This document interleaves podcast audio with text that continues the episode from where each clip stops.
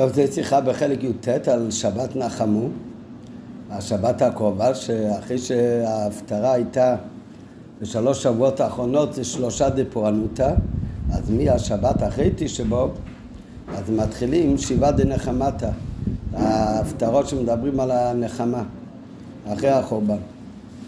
אז השבת הראשונה זה בשבת נחמה, אז מתחיל ההפטר נחמו נחמו עמי. והשיחה הזאת זה גם סיום על מסכת מכות, יוצא בהשגחה פרטית אחרי שלמדנו מאחרי חג הפסח מסכת מכות, אז זה הסיום גם על מסכת uh, מכות. אז נתחיל את השיחה מבפנים. עוד הכפל הלשון בפסוק שמתחיל ההפטר נחמו נחמו עמי, מה זה נחמו נחמו שתי פעמים? איתא במדרש לקו בכפליים ומתנחמים בכפליים. מכיוון שלקו בכפליים, מה הפירוש של לקו בכפליים?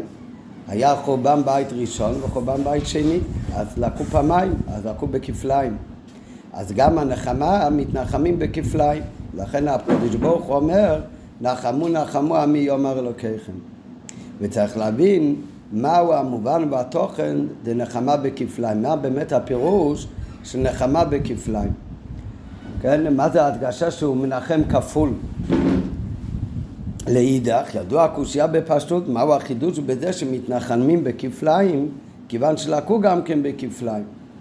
כן, זו השאלה בסגנון אחר קצת, שמכיוון שלקו בכפליים, אז אם ככה, זה פשיטה שצריך להיות נחמה בכפליים. אז מה היה, מהו החידוש בזה שלקו בכפליים? כן, במקומות אחרים מסביר את השאלה באופן אחר, שמכיוון שהנחמה, מה זה יהיה הנחמה? שיחזור בית המקדש השלישי. נו, אז בדרך ממילא כשיהיה הנחמה של בית המקדש השלישי, אז אוטומטית כבר יהיה נחמה גם על הבית ראשון וגם על הבית שני אחד. כן, אז למה באמת צריך להיות נחמו נחמו פעמיים? ואם זה מצד זה שלקו בכפליים צריך להיות נחמה כפולה, אז נו, אז כמובן. אז אם אה, נחמו בכפליים, אז לקו בכפליים צריך להיות נחמו בכפליים. טוב, הביאו בזה מהי ההדגשה של החמון החמוש הנחמה היא בכפליים, אז הביאו מגיע רק בסוף השיחה. לפני זה מגיע כל אריכות הביאור על סיום מסכת מכות כמו שנראה. ויהיו ונבהקדם הביאו בסיום מסכת מכות, שבסוף מסכת מכות גם רואים את הלשון של נחמה כפול, שגם שם מצינו כפל הלשון של נחמה, שם כמו שנראה עוד רגע את הסיפור באריכות אומרת הגמרא בסוף שהחברים אמרו לרבי עקיבא, עקיבא ניחמתנו, עקיבא ניחמתנו. אז גם שם רואים שהם אמרו ניחמתנו פעמיים. אז זה גם שם העניין של נחמה בכפליים. ואף שם מדובר אודות עניין החורבן והגלות, ועל זה בא גם שם הכפל הלשון ניחמתנו. ועל פי הידוע שהעניינים שבתרא שבכתב, מה זה שבתרא שבכתב? זה הפסוק בהפטר נחמו נחמו עמי יאמר השם אלוקיכם, יאמר אלוקיכם אז כל הדברים שבתרא שבכתב מתפשטים, מתבררים בתרא שבעל פה. מה זה בתרא שבעל פה בגמרא? אז על דרך זה גם כאן, מהפירוש בגמרא, עקיבא ניחמתנו, עקיבא ניחמתנו כפול, אז מזה נוכל גם להבין הפירוש בנחמו נחמו עמי בפסוק. הנה על דרך זה הוא בנינדידן. מה באמת הסיפור שהגמרא מסיימת בסוף מסכת מכות עקיבא ניחמתנו, עקיבא ניחמתנו בלשון כפולה. אז על זה מביאה הגמרא בסיום מסכת מכות. סיפור, שתי סיפורים. הסיפור הראשון כבר היה רם גמליאל ורבי אלעזר בן עזרי ורבי ישוע ורבי עקיבא מהלכים בדרך והם שמעו כל המונה של רמי. איפה הם היו בדרך? הם היו בדרך ללכת לרומי. זה היו גדולי תנאים בדור של רבי עקיבא.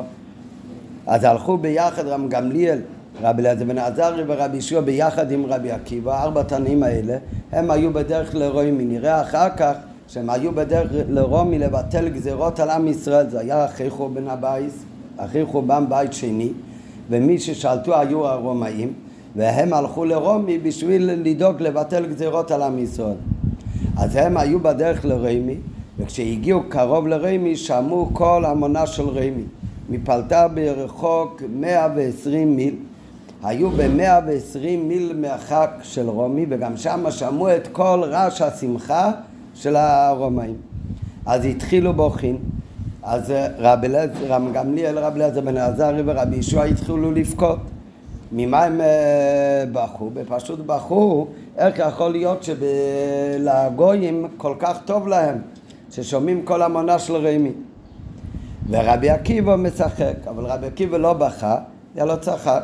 אמרו לו, מפני מה אתה משחק? מה אתה שמח? אמר להם, ואתם מפני מה אתם בוכים? אז, הם, אז רבי עקיבא עונה להם, אתם שואלים למה אני משחק? אני שואל למה אתם בוכים. אמרו לו, מה זאת אומרת למה לבכות? פשוט, הללו כושים שמשתחווים לעצבים ומקטירים לעבד את כרחובים.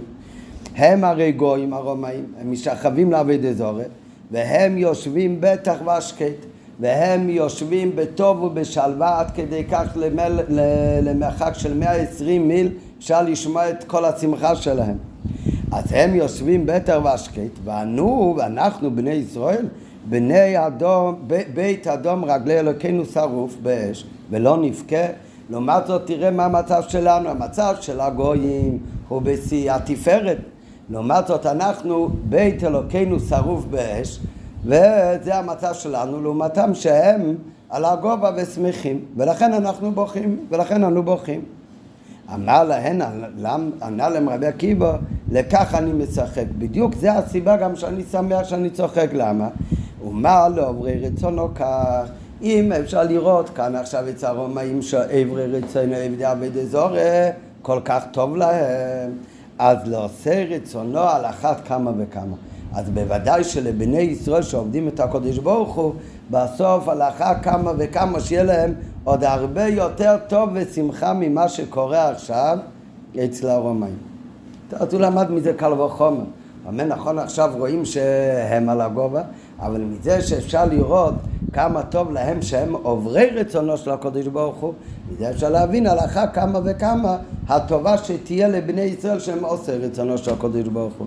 לכן אני משחק. ציפור ראשון. ממשיכה הגמרא עוד ציפור. שוב פעם, אחד היו עולים לירושלים. הציפור הראשון היה כשהם הלכו לרומי. עוד ציפור היה כשפעם אחת אותם ארבע תנאים הלכו לירושלים. וכשהגיעו, היו עולים לירושלים.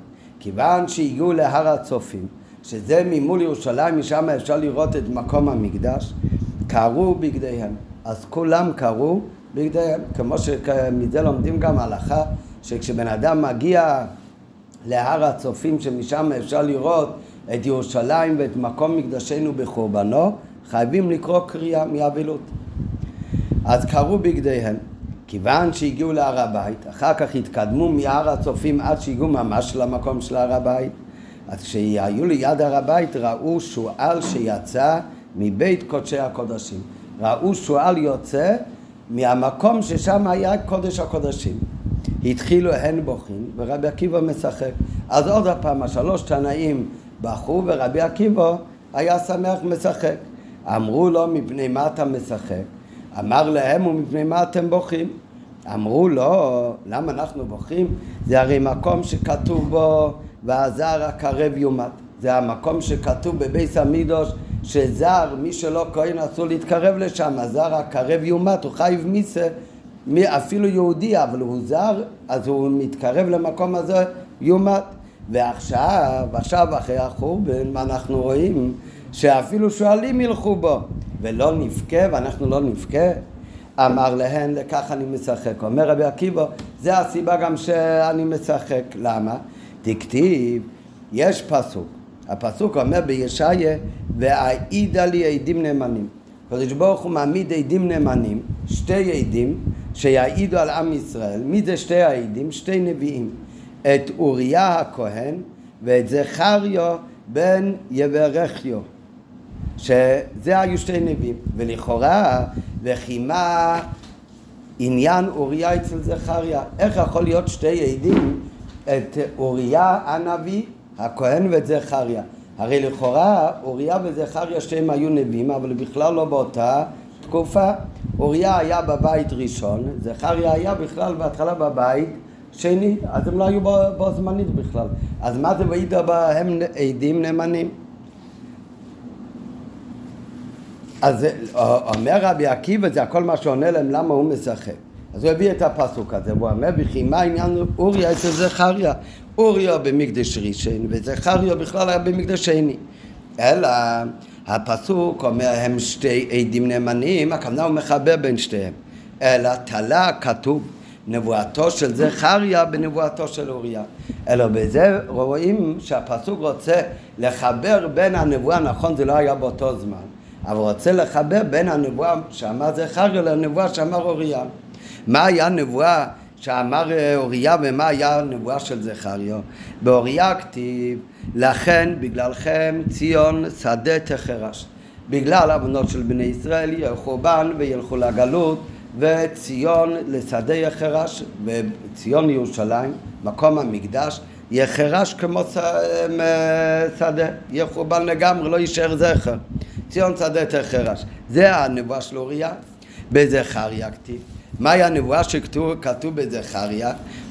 עוד ישבו זקנים וזקנות ברחובות ירושלים, שזה הולך על יהודי הגאולה, שעוד יבוא יום שזקנים וזקנות ישבו ברחובות ירושלים. אז זה ההפך מהעניין של ציון לשדה תחרש, זה מדבר על החורבן של ירושלים. וזה מדבר אדרבה, שעוד יבוא יום, עניין של הגאולה, שאפילו זקנים וזקנות יסתובבו, ישבו בחוצות ירושלים. אז אומר להם רבי עקיבא, עד שלא נתקיימה נבואתו של אוריה, וזה הפירוש בפסוק, והעיד עליכם עדים נאמנים את אוריה ואת זכריה, ששתי הנבואות האלה כאילו תלויים אחד בשני. אז אומר רבי עקיבא, עד שלא ראיתי שהתקיימה הנבואה של אוריה, זאת אומרת לא התקיים הנבואה של ציון לשדה תחרש, אז אמרתי מי יודע אם התקיים הנבואה של זכריה, שעוד יושבו זקנים וזקנות ברחובות ירושלים. אבל עכשיו, לכן עכשיו אני משחק. אז עד שלא נתקיים הנבואתו של אוריה הייתי מתיירש, לא תתקיים נבואתו של זכריה. עכשיו שנתקיימה נבואתו של אוריה, בידוע שנבואתו של זכריה מתקיימת. ואחרי שהוא אמר להם את זה, ולכן הוא אומר אני שמח, עכשיו אני רואה שועל יוצא מבית קודש קודשים, אז סימן שמתקיים הנבואה של אוריה, אז עכשיו אני רגוע, אני בטוח שיתקיים גם הנבואה של זכריה שעוד ישבו זקנים וזקנות ברחובות ירושלים. טוב, ולכן הוא שמח. אז על זה אמרו לו בזה הלשון. בלשון הזה אמרו לו, עקיבא ניחמתנו, עקיבא ניחמתנו. אז, אז השאר התנאים שהיו ביחד איתו, רם גמליאל, רבי, אלעזר בן עזריה, רבי ישוע, אמרו לו, עקיבא ניחמתנו, עקיבא ניחמתנו. אה, כאן זה הסיפור השני בגמרא. שתי סיפורים דומים. והנה, אף על פי שדברי הגמרא נ"ל זה חלק אגדה שבתורה, ויש הרי כלל שלא לומדים הלכה מאגדה, אבל במה דברים אמורים שיש כלל שלא לומדים הלכות מאגדת, שהדברים של אגדת זה סותר לחלק הלכה בתורה. אז אומרים אל תסמוך על אגדת, אלא צריך ללכת לפי מה שכתוב בחלק הלכה. אבל כשיש סיפורים והסיפורים הם לא סותרים את חלק הלכה, אז אדרבה, אז באמת אפשר גם ללמוד מאגדתה לעניין הלכה. ולא, זה דבר ראשון. וכלל הוא שאין למדים הלכה מאגדתה, אבל זה רק באמת דברים אמורים שהלימוד מן האגדה הוא בסתירה להלכה. כשאין סתירה ביניהם, השפיר למדים ענייני הלכה מאגדה וסומכים על כך למעשה. ולכן נראה כאן בשיחה שמהסיפורים האלה של רבי עקיבא וחבריו שהיו הולכים לרומי ואחר כך לירושלים, אפשר ללמוד מזה גם עניינים שנוגעים להלכה למעשה, חוץ מעצם הסיפור ולעניין החורבן והגאולה. יש מזה, נראה בהמשך, גם עניינים שאפשר ללמוד מזה הלכה. כי אם החלק הלכה שרוצים ללמוד מהסיפורים הוא לא סותר את חלק ההלכה בתורה, אז באמת אפשר ללמוד הלכות גם מסיפורים. וכאן מהסיפור הזה נראה נפקא מינה גם להלכה. ועוד, בנוסף לזה, אפילו אם נאמר שבכלל לא לומדים הלכות מאגדתה, גם אם זה לא סותר, כי מאגדתה לא לומדים הלכות, אז זה שלא לומדים הלכה למעשה, אבל הסברות שעומדים מאחורי הסיפורים בגמרא, את הסברה בטוח אפשר להשתמש בה גם לעניין של הלכה. ועוד, אפילו אם תמצא לומר שהלכה למעשה, למעשה בפועל לא לומדים מאגדה, אבל סברה בהלכה שאפשר להוציא מציפור, אז בזה בוודאי אפשר ללמוד גם ממנה, גם מחלק מהאגדתה. למה הרב מדגיש את זה כאן? כי נראה אחר כך בחלק השני של השיחה אריכות גדולה שכמה דברים שאפשר ללמוד נפקא מיני ממש הלכה למעשה מהעניין הזה שרבי עקיבא אפילו כשראו דברים שלילים אז הוא היה משחק בגלל שהוא הבין מזה שאם זה יתקיים לרעה הנבואה של אוריה אז בוודאי תתקיים גם הנבואה לטובה של זכריה. נוסף על הנ"ל, בנין דידן זה לא רק דברי האגדה, שמזה יש ספק אם אפשר ללמוד מזה הלכה למעשה, אלא זה הרי לא רק אגדתה בדברי, אגדתה בגמרא, אלא זה סיפור מעשה איך נהג בפועל רבי עקיבא וחבריו. וממעשה רב, איך שהתנהגו בפלא ממש, אז מזה בוודאי אפשר ללמוד גם כמה הלכות. עובדה שיש כאן גם מעשה רב שנוגע להלכה, שכשהם הגיעו להר הצופים, מה הם כולם עשו? קראו קריאה, וזה באמת הלכה, שכשמגיעים להר הצופים קוראים קריאה. הימים האלה בחודש אב זה הזמן שהרבי הקודם הגיע הרי לארץ בתרפ"ט בקיץ והימים האלה ממש היה כאן, היה בירושלים, גם בתשע אה? אה? היה גם בתל אביב, נכון. אבל מה שנוגע שכשהגיע לירושלים, עבר את הר הצופים, מה ברכבת שיודיעו לו מתי זה המקום של הר הצופים, וקרא קריאה. אחר כך הרב הקודם הגיע לכותל, גם קרא קריאה, כמו שכתוב בהלכה. אז כאן זה הרי עניין שהוא לא סתם דברי אגדתה כמו שיש הרבה פעמים בגמרא, דברים שדורשים מסיפורים, אלא מעשה איך שהתנאים נהגו, מדברים איך שהם נהגו בפועל, מזה בוודאי הרי לומדים גם הלכה. נוסף על הנ"ל בנין דידן זה לא רק דברי אגדה אלא זה מעשה רב. מעשה עם הנהגתם בפל שגדל התנאים בהלכה ובברייתא נתפשו שמותיהם ובכללם גם רבי עקיבא שרבי עקיבא הרי כל תורה שבעל פה עלית בידי רבי עקיבא כי כתוב שסתם משנה רבי מאיר וסתם ברייתא כל אחד מהתנאים. וכתוב כולה עלית בידי רבי עקיבא למה הם כולם היו תלמידים של רבי עקיבא? אז כל תורה שבעל פה שיש לנו זה הכל עליבה דרבי עקיבא. ואם כן מובן בפשטות שיש בדברים אלו שמספרים לנו מעשה רב איך הם נהגו ואיך רבי עקיבא נהג יש לנו ללמוד מזה סברות שנוגעות גם להלכה ובפרט שבמורה השני לא נאמר רק התחילו הם בוכים ורבי עקיבא משחק אלא מובא גם כן איך הם נהגו במעשה בפעיל של הלכה. כיוון שהגיעו להר הצופים קראו בגדיהם אלה ודוחת שזה באמת הלכה זה הדין שמגיעים להר הצופים ושם רואים את מקום המקדוש צריך לקרוא קריאה. על פי כל הנעל צריך להבין כלוש נש"ס בכמה מקומות במקום מפליגה עכשיו מכאן עד סוף עוד ג' אז הרבי מביא ריבוי ריבוי שאלות על הסיפורים האלה בגמרא. שמונה שאלות יותר אפילו הם, אה, על הסיום מסכת של אה, מכות. השאלה הראשונה, אחר כך יש עוד שמונה שאלות בעוד ג' אבל בהתחלה הרבי שואל מה באמת הסברה של המחלוקת בין שאר התנים לבין רבי עקיבא למה באמת הם בוכים ולרבי עקיבא משחק כן הרי לכאורה את הקל וחיים אם לעוברי רצונו כך לא עושה רצונו כך, קל וחומר, זה גם הם יכלו להבין. כן, אז מה בדיוק היה המחלוקת שהם בחרו, הם אומרים זה סיבה לבכות, ורבי קיבו סבר שזה סיבה לשמוח לשחק. אותו דבר בנוגע לסיפור השני, כן, הם שתיהם ידעו מהנבואה של אוריה וגם של זכריה וגם שתיהם ראו, גם שאר החכמים וגם רבי עקיבא ראו את השועל יוצא ממקום של קודש קודשים אז מה עומד באמת מאחורי ההבדל בגישה שלהם שהם הבינו שזה סיבה לבכות ורבי עקיבא הבין שזה סיבה לשחק. על פי כל הנ"ל צריך להבין כלשון הש"ס בכמה מקומות במקום מפליגה. מהן הסברות ההלכתיות? הן הטעם והסיבה למחלוקת חכום הנ"ל עם רבי עקיבא ומן הקצה לקצה מבוכין ועד למשחק. ואף על פי שבסיום המעשה אולי נגיד שבכלל אין מחלוקת ביניהם למה אולי נגיד שבכלל אין מחלוקת ביניהם? כי אחרי הסיפור השני הרי כתוב ששאר החכמים אמרו לרבי עקיבא עקיבא ניחמתנו, עקיבא ניחמתנו. או, נכון, אתה צודק, אז מזה רואים הרי שהם הסכימו לדעת רבי עקיבא, אז, אז אין כאן מחלוקת לכאורה. בסוף זה אותו דבר, זה לא ממש כך, למה? כי אף על פי שציום המעשה בגמרא הוא שאמרו לו החברים עקיבא ניחמתנו, עקיבא ניחמתנו, הרי מובן שהווה מן שלם שהתחילו בוכים, גם להווה מן שלם שהם בכו בהתחלה, יש בזה סברה בהלכה.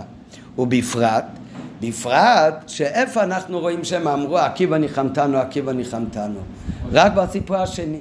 באמת בסיפור הראשון שכשהם אמרו למה אתה צוחק, והוא שאל אותם למה אתם בוכים, והם אמרו שהללו עובדי עבודה זרה משתחווים לפסלים, וככה הם יושבים בהשקט ובטח. לעומת זאת אנחנו בית אלוהיכנו שרוף באש ואנחנו בתחתית המדרגות לעומת הרומאים אז על זה, מה ענה להם רבי עקיבא? ענה להם ברעיון אותו דבר, גם כן. נכון זה עכשיו ככה, אבל בסוף יהיה הפוך. הרי כי אם ככה זה לעוברי רצונו, אז לא עושה רצונו, לאחר כמה... וכאן לא אומרת הגמרא שהחברים אמרו לרבי עקיבא, עקיבא ניחמתנו, עקיבא ניחמתנו, הם המשיכו לבכות. רבי עקיבא המשיך לשחק. בסיפור השני רק, רק שמה כתוב שהם ענו לו עקיבא ניחמתונו, עקיבא ניחמתונו. בפרט שבסיפור הראשון לא נזכר שאמרו ניקים נחמתונו, ומשמע מזה שתשובת רבי עקיבא במורר הראשון לא מנע מהם לבכות.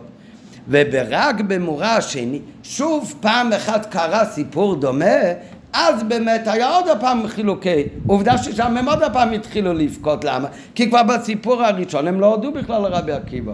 לכן בסיפור השני הם גם כן בכו.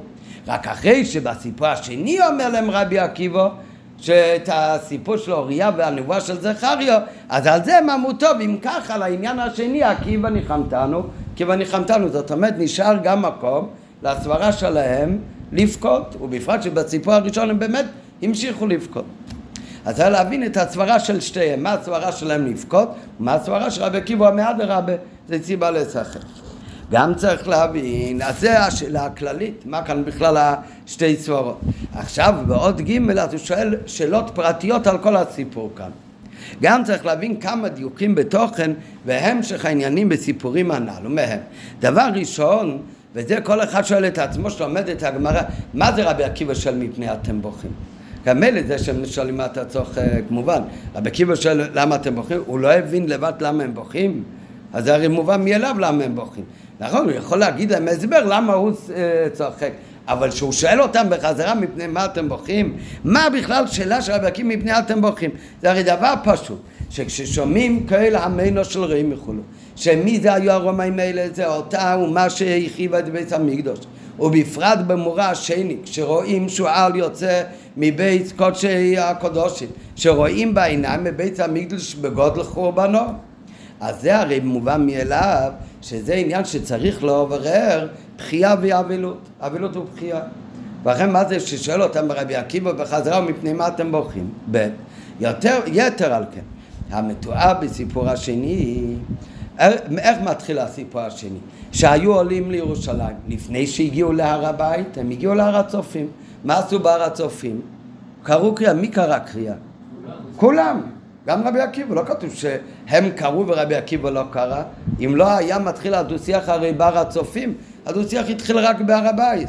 הגמרא מספרת שהם הגיעו להר הצופים, קראו קריאה, אחר כך המשיכו לירושלים ולמקום של המקדש, להר הבית, וראו שם השועל יוצא מבית קודש קודשים. על זה הם התחילו לבכות, ורבי עקיבא שיחק.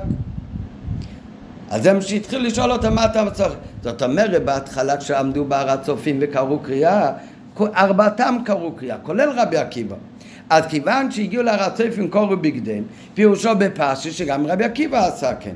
כדמשמע משימת ומהמשך הלושן שהוויכוח ביניהם התחיל רק אחר כך בהר הבית. היינו, שגם רבי עקיבא היה בצער בשעת מסע על חורבן בית המקדוש. ואם כן, מה פשר השאלה שלו כמה דקות אחר שהגיעו להר הבית, מפני מה אתם בוכים? מה אומרת, מפני מה אנחנו בוכים? בגלל אותו סיבה שלפני כמה דקות גם אתה בעצמך קראת קריאה, כי בית המקדוש חרב. אה?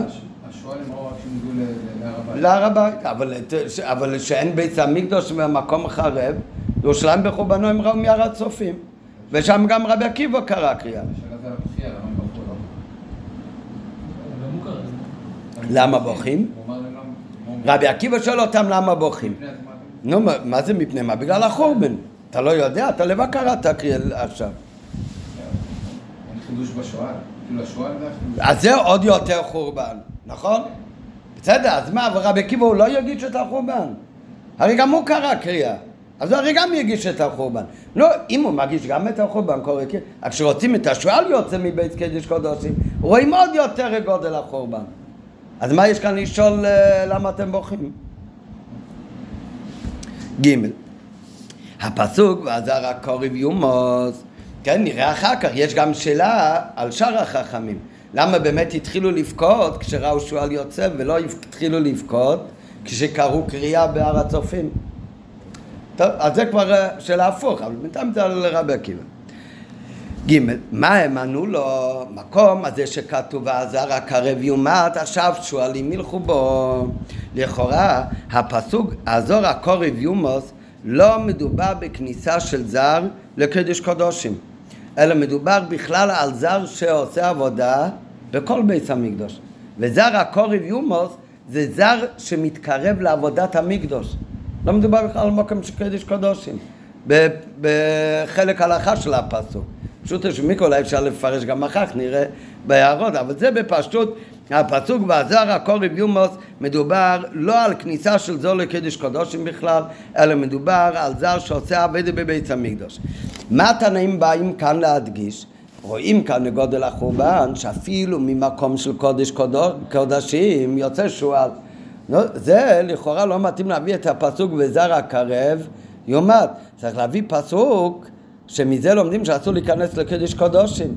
ולא רק זר אסור להיכנס לקודש קודשים, אלא גם הכהן גדול אסור להיכנס לקודש קודשים, חוץ מפעם אחת בשנה ביום הכיפורים עם הקטרס. ועל זה יש באמת פסוק. אבל מאחר שהתנאים ביקשו להדגיש שאפילו הכניסה לקדש קודשים אסורה, היו צריכים להביא את הפסוק שמלמד על גודל העניין של קדש קודשים, שעל יבוא בכל עת אל הקודש, שמהפסוק הזה לומדים מי זה על יבוא בכל עץ אל הקדש, שאפילו הכהן גודל לא יכול לבוא לקדש קודשים בכל זמן, אלא רק ביום כיפור מחזבא שונו. שבו מפורש אפילו הכהן גודל אסור להיכנס לקדש קודשים בכל השנה. ד' עוד קשה, מה הייתה בכלל הסברה שהכוס על כדאיתו של רבי עקיבא, מה ענה להם רבי עקיבא, ועוד על זה מה אמרו לו, תודה, אתה באמת ניחמת אותנו, ניחמת אותנו. מה היה התשובה של רבי עקיבא? התשובה של רבי עקיבא הייתה שיש פסוק, בפסוק מופיע ביחד עדים נאמנים אוריה וזכריה ולכאורה אוריה וזכריה לא היו באותו זמן אלא זה בא להגיד שכל אחד מהם ממש תשובה על, אה, על אה, המקדוש רק אחד דיבר על החורבן ואחד דיבר על הגאולה מה אומר רבי עקיבא? כל זמן שלא ראיתי שמתקיים הנבואה הזאת היה לי ספק מה עם הנבואה של זכריה עכשיו שהתקיים הנבואה של אוריה, אני רואה בעיניים שהתקיים הנבואה בתכלס את החורבן. עכשיו, מה זה? עכשיו רק אתה מאמין בנבואה של זכריה? מה זה מה, מה, יהודי חייב להאמין בכל נבואה? כל ש... מה, מה השאלה? יותר מזה. הרי למה ברמב"ם בהתחלה כתוב שנבואה לרעה, אז זה לאו דווקא, אם לא, מת... זה לא, זה, זה לא מוכרח שיתקיים. כי נבואה לרעה על ידי תשובה זה יכול להתבטל. לעומת זאת נבואה לטובה לא יכול שלא יתקיים. אז מה זאת אומרת? רבי עקיבא אמר, כל זמן שלא ראיתי את החורבן הנבואה הרעה עד הסוף, לא ידעתי אם תתקיים הנבואה של זכריה. אני רואה שזה יתקיים, עכשיו אני יודע שזה יתקיים. חס וחלילה, בנבואה הזה חייבים כל אחד להאמין, בין אם מתקיים הנבואה של אוריה, בין אם לא מתקיים הנבואה של אוריה. מה הייתה בכלל הסברה והכותל כדעתו של רבי עקיבא שעד שלא נתקיימה נבואתו של אוריה הייתי מתיירא שלא תתקיים נבואה של זכריה איך ייתכן שיהיה ספק בנבואה שהמי לא תתקיים ובפרט על פי מים החז"ל שכל דיבור ודיבור שיצא מפי הקודש ברוך הוא לטבו אפילו על תנאי לא חזר בו נו, אז פשיטי, הנבואה הזאת צריכה להתקיים בכל מקרה, בלי קשר בכלל מה קורה עם הנבואה של אוריה. היי, hey, גם אם רבי עקיבא מביא כאן גם נבואה שאמר אוריה וגם נבואה שאמר זכריה, אז יש בנבואות הרבה נבואות שמדברים על עניין החורבן. ולמה מכל הנבואות הוא תפס דווקא את הפסוק ציון לשדה תחרש, ולא נבואה אחרת ונבואות קודמות שכתוב שם אודות עניין החורבן והגאולה. ועוד שאלה לשמה מפרטת הגמרא את השמות של כל התנאים הללו. הרבה פעמים שכתוב על רבי עקיבא וכל הקבוצה הזאת של התנאים, רבי גמלי... הלכו איתו רב גמליאל, רב אליעזר בן עזב ורבי ישוע, הכתוב רבי עקיבא והזקנים, מביא כאן בהערות מהמדרש, כיוון שעלו זקנים לרוימי, לא כתוב השמות שלהם. למה כאן מפרטת הגמרא את כל השמות של התנאים שהלכו עם רבי עקיבא. הלוא מה שנחוץ בעיקר זה מה הגמרא רוצה כאן להשמיע לנו? את ההנהגה של אותם תנאים או של רבי עקיבא? הרי החידוש זה הנהגה של רבי עקיבא, החידוש זה ההנהגה של רבי עקיבא. אז היה יכול להיות כתוב שהלך רבי עקיבא והזקנים, או לשון אחרת. זה העינות שלה, למה רק במורה השני אמרו חכמים על תשובת רבי עקיבא, עקיבא ניחמתנו ולא במורה הראשון. אמרנו כבר מקודם שבפשטות במורה הראשון באמת רבי עקיבא לא ניחם. כאילו הם לא הסכימו, גם אחרי שהוא ענה להם. אבל מה באמת ההבדל? הרי הרעיון הוא אותו רעיון. רבי עקיבא אומר להם שעוד יהיה טוב, עוד יהיה עוד יותר טוב ממה שחשבנו. לא, אבל עדיין, עכשיו זה משהו לא טוב, לכן הם לא הסכימו. אדם בפעם השנייה על התשובה הראשונה של רבי עקיבא. אם לעבר רצני כך, לעבר רצני הלך אז כמה וכמה. הם לא הסכימו עם רבי עקיבא, הם לא ענו לו, עקיבא ניחמתנו. אה? על שתי הסיפורים. לא, זה בפשטות הם אמרו, עקיבא ניחמתנו, עקיבא ניחמתנו, שתיהם על הסיפור השני. אבל באמת יש שאומרים שזה הולך על השתיהם. נכון, אבל זה לא המשמעות הפשוטה בגמרא. למה במורה השני אמרו חכמים, עקיבא ניחמתנו ולא במורה הראשון? בלשון הזה אמרו לו, עקיבא ניחמתנו, עקיבא ניחמתנו. מה פשר כפל הלשון באמת? למה הם אמרו פעמיים ולא אמרו רק פעמיים, עקיבא ניחמתנו, ניחמתנו? אלו זה הדגשה שזה פעמיים. עקיבא ניחמתנו, עקיבא ניחמתנו. כאילו זה מדגיש עוד יותר שכל המשפט, כל הנחמה זה פעמיים. מהו הדיוק בהדגשה בלשון הזה אמרו?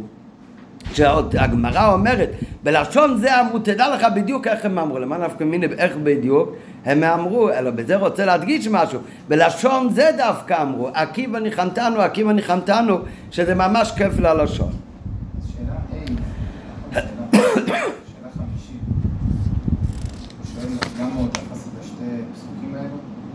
מה, מה? שאלה חמישית, שאלה למה תפס רבי עקיבא דווקא דווקא את הפסוק ציון צדה תחרש. יש מלא פסוקים על החומה. אבל מתבסס על לזכריה נכון, בסדר. שם לא כתוב את הפסוק ציון שדה תחרש. שם כתוב בפסוק והעיד על ידים נאמנים את אוריה הכהן ואת זכריה. זהו. וכי מה עניין אוריה אצל זכריה? זה עכשיו המשך דיבור של רבי עקיבא. אז הוא אומר אוריה הרי במקדוש ראשון, זה במקדוש שני, אז הוא אומר, באוריה כתיב, באוריה, באחד מהנבואות שלו כתוב, לא באותו פסוק, לא ב"וידע לכם שתי עדים נאמנים", באוריה כתוב על החורבן, מה כתוב על החורבן באוריה? ציון שדה תחרש, זה לא הפסוק הראשון שאוריה אמר על חורבן הבית. שלא בחרו את זה בתוך אוריה? כן, כן, כן, זה השאלה. לא לא להחרימו את אוריה וזכריה. לא, זה צריך לכבד את אוריה וזכריה, זה הרי כל העניין של רבי עקיבא, הוא אומר מזה שהפסוק מחבר בין שהם, אז דווקא לפי החורבן אני מאמין עכשיו בנבואה של זכריה. נראה בהמשך, לא כפשוטו, אבל לא יכול להיות שבלי זה הוא לא האמין בנבואה של זכריה. אבל השאלה זה למה בנבואה של אוריה, שזה הנבואה לחורבן, הוא מביא דווקא את הפסוק הזה של ציון צדי תחרש, ולא משאר הפסוקים שמנבאים על החורבן. המשוק, כמו שאומר טל, המשוק כותב לבאר על זה, על השתי שאלות האחרונות, שכפלו הדברים שבאמת השאלה ז' והשאלה ח' אחד מתורצת בשני. מה הייתה השאלה ז'? למה באמת בסיפור הראשון לא אמרו לו כי ונחמתנו רק בסיפור השני? מה הייתה השאלה האחרונה? שאלה ח', למה אמרו עקיבא ניחמתנו פעמיים? אז המשור אומר ממש כמו שטל רצה להגיד, שזה פשוט, זה באמת הפירוש. הם אמרו עקיבא ניחמתנו, עקיבא ניחמתנו. פעם אחת עקיבא ניחמתנו על הסיפור הראשון, ופעם אחת על הסיפור השני. לא, השש שאלות האחרונות יורדים. אז המשור כתב לבאר על זה שכפלו הדברים על שם שני המעשים שזכר. אבל גם תראו את זה דרוש הסבר. שתי הסיפורים לא קרו באותו זמן, ולא קרו גם באותו מקום, זה היה בהפרש של זמן, והיה במקום אחר, זה היה כשהם הלכו לרומי, וזה היה כשהם עלו לירושלים. אז מה, בסיפור השני שקרה בזמן אחר ובמקום אחר, עכשיו הם נזכרו להגיד פעם נוספת, עקיבא ניחמתנו, גם על הסיפור הראשון שקרה להם. הלא שני המעשים היו בהפסק זמן ומקום. המעשה הראשון כשהיו מלכים בדרך בהתקרבתם לרומי. הסיפור השני, שוב קרה הסיפור כשהיו עולים לירושלים. אם כן, איך אפשר לצרף אותם בכל דמאסי במענה אחד? אז מה שכתוב בגמרא, שבהר הבית אמרו עקיבא נחמתונו, עקיבא נחמתונו, על... מה זה עקיבא נחמתונו השני? על הסיפור שקרה ברומי. למה הוא ממש אומר את זה? אה? פשטות הוא אומר את זה ביחד. מביאים את זה בסדר, אבל השאלה זה מה באמת קרה, מה הם אמרו לרבי עקיבא. נכון, לא אומרים על המשהו שהתירוץ הוא לא נכון, רק אנחנו נמצא כאן תירוץ אחר, יותר. הרב אומר, התירוץ של המשהו הוא קצת קשה. כן, איך, אם באמת הם אמרו עקיבא נחמתנו על שני הסיפורים, אז אחרי הסיפור הראשון, שהוא אמר להם, אם לעבר רצני כך לא יצרצני הלכת כמה וכמה, היה צריך להיות כתוב, אמרו לו עקיבא ניחמתנו, ושוב מעשה כשהגיעו להר הצופים וכולי וכולי וכולי, וענו לו עקיבא ניחמתנו. קשה אבל לומר שהגמרא מספרת סיפור אחד שקרה בזמן אחד וקרה ברומי ושם לא ענו לו בכלל. אחר כך סיפור שהגמרא לבד אומרת ושוב פעם זאת אומרת זה היה בפעם אחרת לא באותו זמן וזה היה כשהיו עולים לירושלים. סיפור שלם ועל זה הם ענו לו עקיבא ניחמתנו עקיבא ניחמתנו ולהגיד אתה יודע מה זה עקיבא ניחמתנו השני? הכפול זה הולך על הסיפור ברומי. כן, זה קשה בפשטוס אפשר לבאר בשתי המאורעות ניכרת הנקודה המשותפת שבשיטת רם גמליאל, רבי אליעזר בן עזרי ורבי ישוע מצד אחד, ובשיטת רבי עקיבא מצד השני. ולכן יש קשר בין שתי הסיפורים, זה גם בפשטות. מהו ההבדל ביניהם? בשם היה אותו תוכן, שם גמליאל, רבי אליעזר בן עזר ורבי ישוע, הם בכל דבר שקרה שהם ראו, מה הם ראו בזה? את הלא טוב.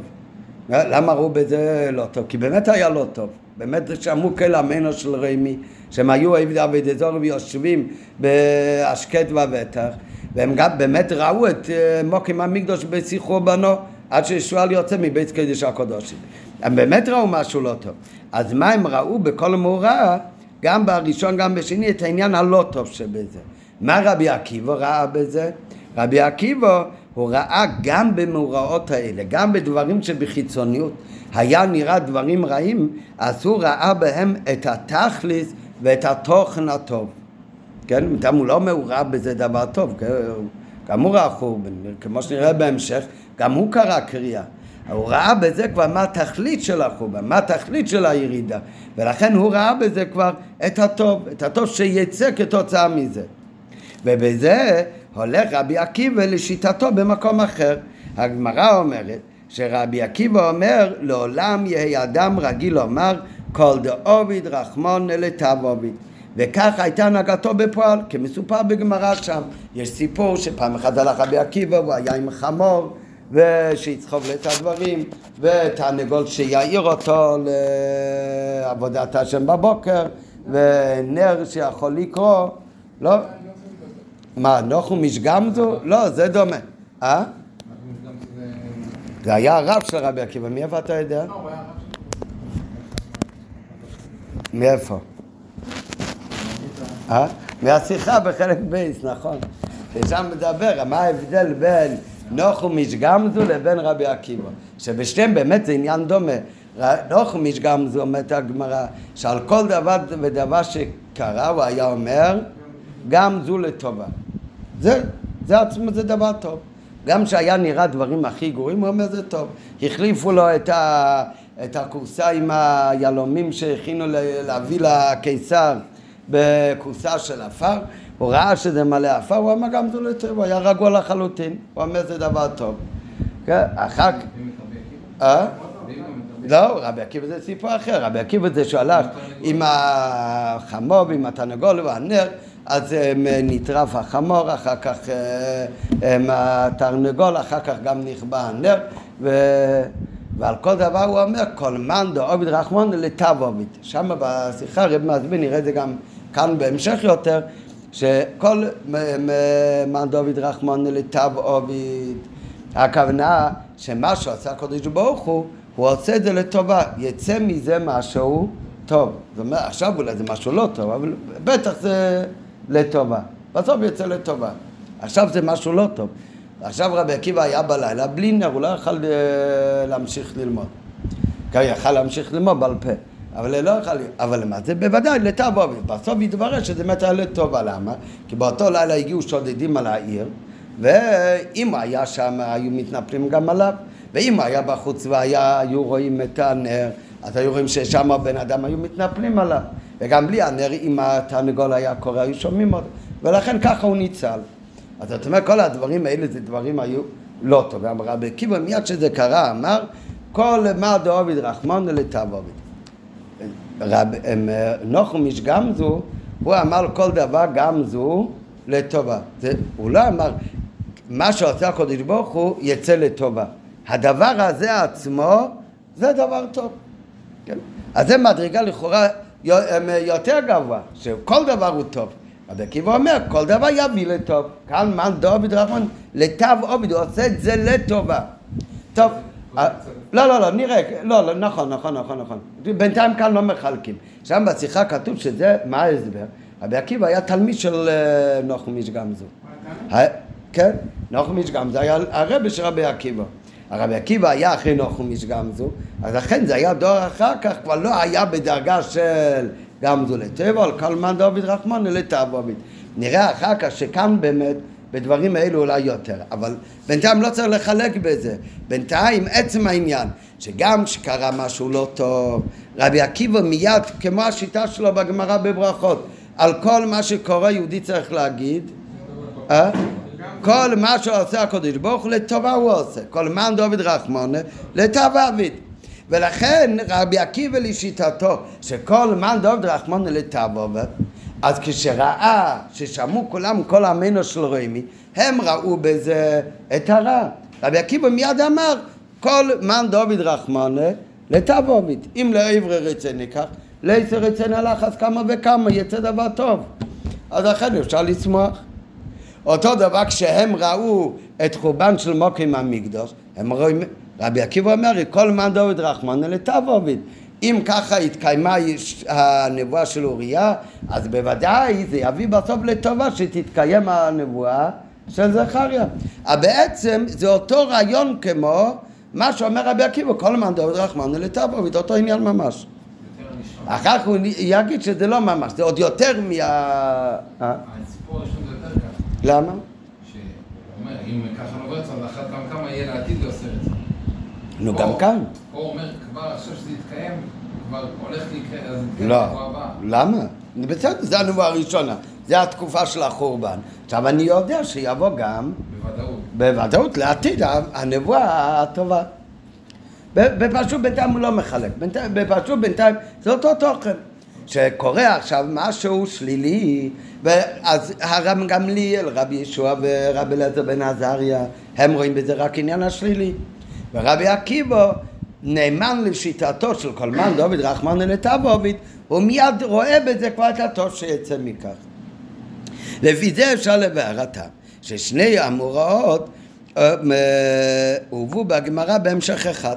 אף שהיו שתי סיפורים במקומות ובזמנים שונים כנ"ל, זה ברומי ואחר כך זה היה בירושלים. אין זה רק מפני ששניהם יראו באותם תנים. זה רק כשהגמרא מביאה את שתי הסיפורים יחדיו, זה לא כי זה קרה עם אותם אנשים, עם רב, אותם תנאים, רבי אליעזר בן עזריה, רבי ישוע, רם גמליאל ורבי עקיבא, אלא שבשניהם מצינו את אותה נקודה בשיטת רבי עקיבא. מהי הנקודה בשיטת רבי עקיבא? לראות בהווה בכל דבר, גם עכשיו, שעכשיו זה דבר לא טוב לכאורה, לראות בזה את התועלת ואת הטוב שיוצא מזה לאחר זמן. וזה היה בכל הדברים, כן? אבל על פי הנ"ל צריך להבין, א', הצריכוס של כל השלושה. אם ככה, אז בעצם אין כאן שלוש חידושים לכאורה של רבי עקיבא. חידוש אחד של רבי עקיבא אמר כל מן דוד רחמן לתאבומית. חידוש שני של רבי עקיבא, שכששמעו כל המנה של רמי הוא אמר אם לעברי רצה ניקח לעזר רצה נעלס כמה וכמה. וסיפור שלישי, חידוש שלישי, שהוא אמר שאחרי שהתקיימה ציון שדה תחרש בוודאי יתקיים הנבואה של דרך. לכאורה, נכון, זה שלוש סיפורים, אבל הם באמת אותו נקודה בכלל.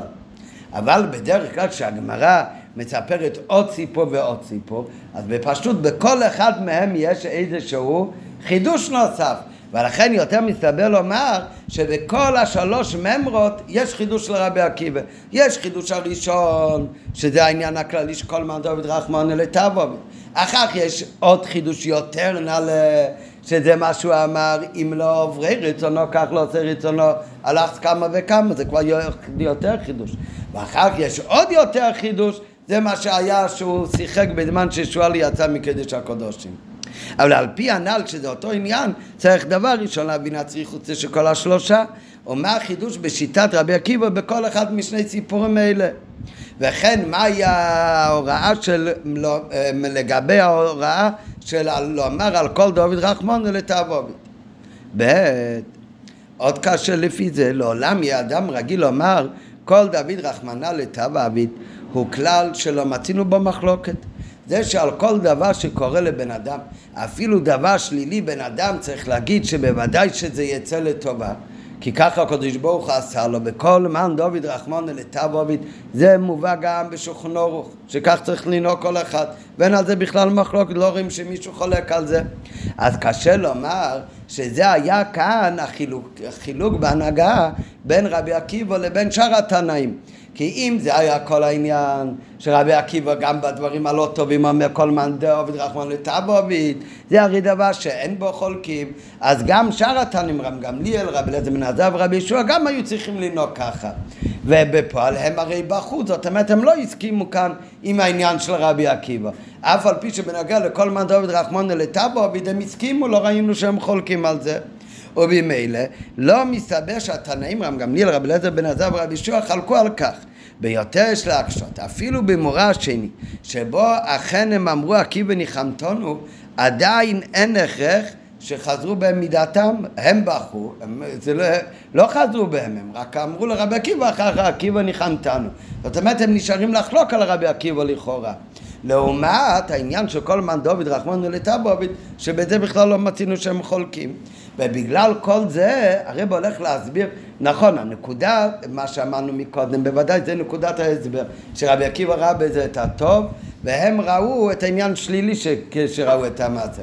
אבל זה הרבה יותר עמוק מהפירוש הרגיל שכל מן דוד רחמון לתבוביד. והעניין שכל מן דוד רחמון לתבוביד, בזה באמת כולם מסכימים.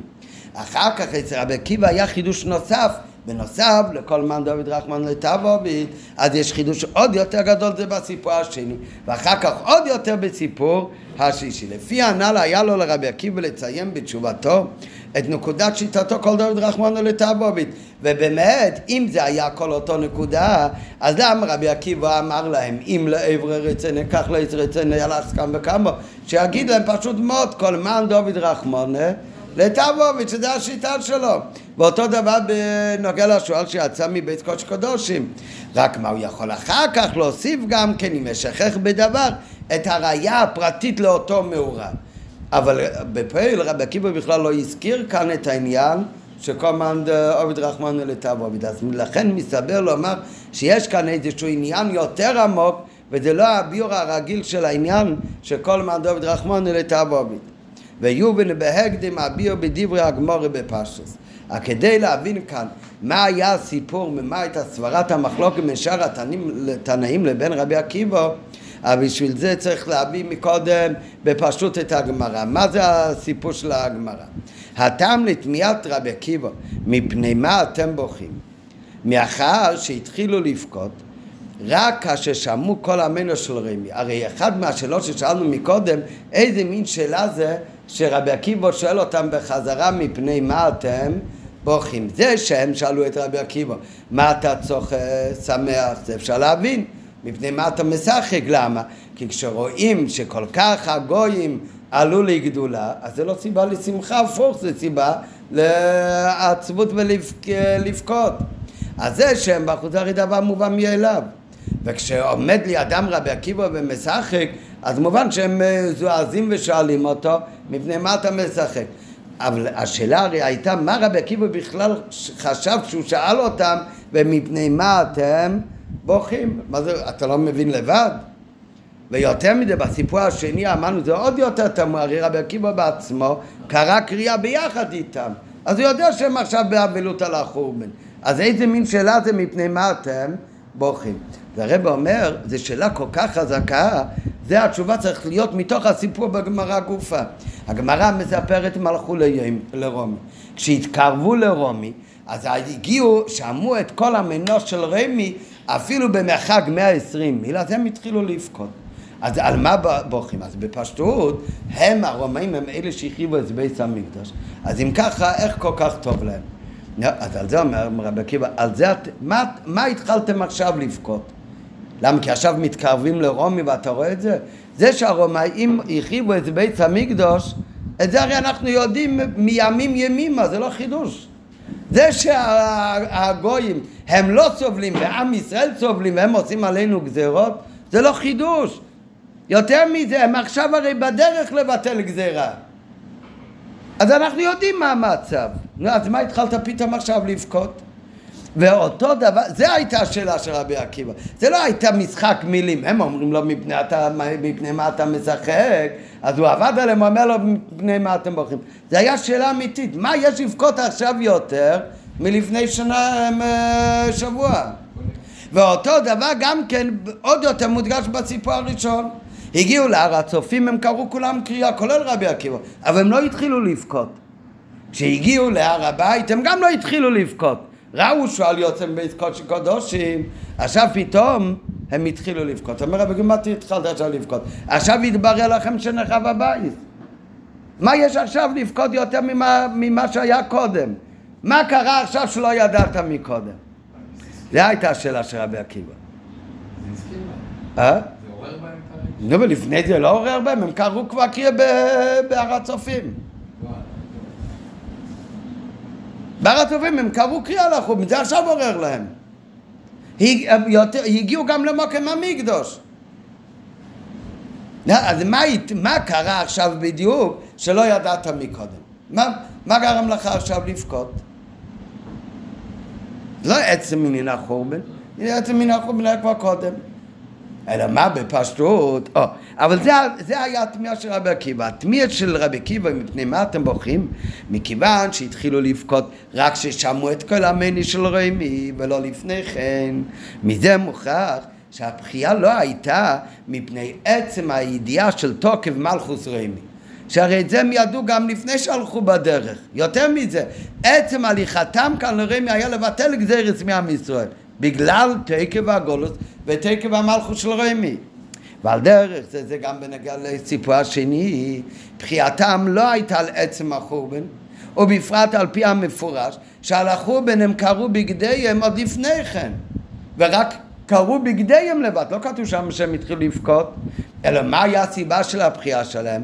כיוון שראו שהוא על יוצא מבית קודש הקודשים, המקום שהיה קודש הקודשים, מפני זה אז הם התחילו לבכות. ולכן שאל אותם רבי עקיבא, מפני מה אתם בכים? מה השאלה כאן? זה לא מה עניין לבכות, הוא הבין שזה על החורבן. הוא אומר, אבל מה נתחדש אצלכם עכשיו דווקא, שפתאום עכשיו התחלתם לבכות יותר מקודם? ולכן עכשיו התחילו בכין, ולא לפני זה. ומה הייתה התשובה של התנאים לרבי עקיבא? על זה ענו רבי גמליאל, רבי שוב ורבי אליעזר בן ארזל לרבי עקיבא. למה עכשיו באמת התחלנו לבכות? כי עכשיו התברר לנו את עוצמת החורבן והגלות. נכון, ידענו כבר מקודם ש... שיש חורבן, וכבר קראנו קריאה. אבל כשראינו שועל יוצא מקדש קדושים, אז עכשיו אנחנו רואים את עוצמת החורבן עוד הרבה יותר ממה שחשבנו מקודם. אז על זה התחלנו לבכות. אותו דבר, ידענו שהרומאים החריבו בית המקדוש וידענו שהם השולטים ואנחנו בדרך עכשיו לבטל גזירה.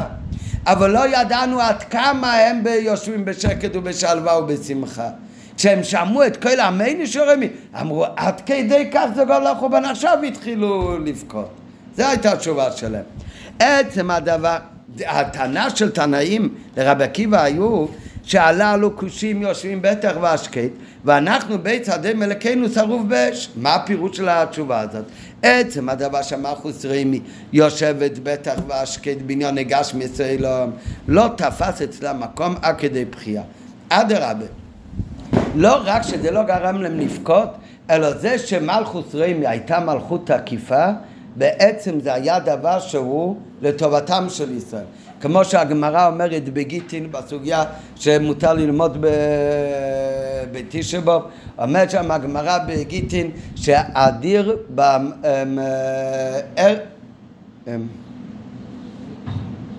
והלבנון באדיר ייפול. מה זה בלבנון? זה רמז על בית המקדוש. באדיר ייפול על ידי בן אדם גיבור וקיסר, ולא על ידי בן אדם רגיל. למה באמת? זה לכבודם של ישראל. כדי, גם אם הקודש ברוך הוא כבר גזר, שיחרב בית המקדוש, אז צריך להיות מלך אדיר וגיבור שיכול לעשות את זה.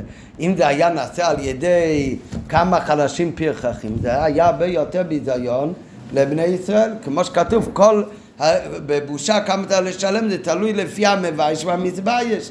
אינו דומה, בן אדם גדול מבייש אותך, נו, זה עוד ניחא. אבל כשמגיע ילד קטן שמבייש אותך זה עוד יותר בושה. אז לכן אמר הקדוש ברוך הוא שבית המקדש יחרב רק על ידי מלך אדיר.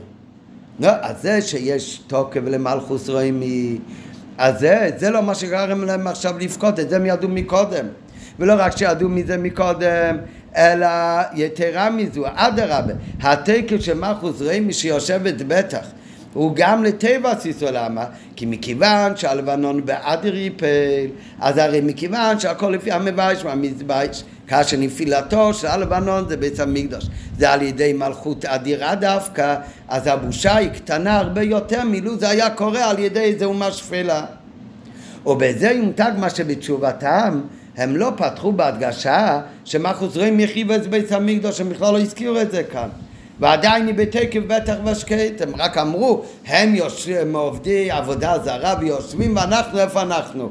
כן, בכלל לא הדגישו את עניין שהחורבן נעשה על ידם, כי אדרבה, זה שהחורבן נעשה דווקא על ידם, זה על תבוסם של ישראל. וזה מקל את רגש הבושה בחורבן וכניס גליל. אלא מה הייתה הטענה? מה שרומי הוא במצב של בטח והשקט בו בזמן שאנחנו בית הדם אלוקינו שרוף באש. מה כאן בית הדם אלוקינו שרוף באש? הרי עכשיו בית המקדוש הוא כבר שרוף, הוא כבר נחרב, כבר בכל מקרה איננו. אם כבר בית המקדוש, עכשיו כבר הם לא צריכים להישאר על הגובה. עכשיו כבר הרומאים יכולים גם כן לרדת מגדולתם. זה שמלכוס רמי היו בשיא התוקף בזמן החורבן והם אלה שהחריבו את בית המקדוש. הפרט הזה שדווקא הרומאים שהם היו בשיא התוקף הם אלה שהחריבו את בית המקדוש אז זה היה עוד חלק מנקודה טובה בעניין של החורבן. אבל, ולכן מה הם אמרו אבל? שעכשיו הרי בית אלוקינו כבר שרוף באש עכשיו כבר בכל מקווה כבר נחרב בית המקדוש. אז עכשיו למה הם עדיין נשארו כל כך בהשקט ובטח? זו הייתה הטענה שלהם. ועכשיו התברר להם החורבן הרבה יותר מקודם. זאת אומרת הבחירה לא היה על עצם החורבן עכשיו. הבחירה היה על זה, על, כמו שנראה אחר כך, על החילול השם וחילול שם ישראל שיש בעולם. מילא בזמן החורבן, כך קודש ברוך אמר צריך להיות עניין של חורבן. וזה שנעשה על ידי רומאים שהם היו בתוקף, אז גוף זה היה עניין לתיבוסום. אלא מה? זה שעכשיו, כשכבר בית אלוקינו שרוף באש, כבר אין שום סיבה שהם יישארו על הגובה. אבל בכל זאת הם נשארים בשקט ובטח, ואנחנו בגלות. אז זה דבר שהרי גורם חילול השם וחילול לשם ישראל, ועל זה היה הבחייה שלהם. זה יתגלה להם עכשיו. אז זה שאנחנו בית אדם אלוקינו שרוף באש, באותו זמן הם עדיין נשארים בבטר והשקט, זה חילול שם שמיים. נוסף על כך שזה חילול שם ישראל, יש על כן. הרי כל תוקפה של רומי זה היה אך ורק כדי שיקוים הפסוק והלבנון בעד יפול. ואם כן, מה מצבה של רומי עדיין אדיר ויושבת בית הבשקית גם אתה, לאחרי שבית המקדוש כבר צרוף באש. על דרך זה גם במורה השני. בראותם שואל שיצא מבית קודש הקודשים, הם ראו בכך חילול שם שמיים ושם ישראל, עוד בנוסף לעצם העניין החורבן. כשהם ראו עכשיו מול העיניים שאותו מקום שכתוב בו והזר הקרב יומת שאסור לשום אדם ישראל אפילו להתקרב לשם עד שאפילו הכהן גודל ושהכהן גודל הוא הרי הקדש קדושים שבישראל יש אילום שון הנפש כתוב.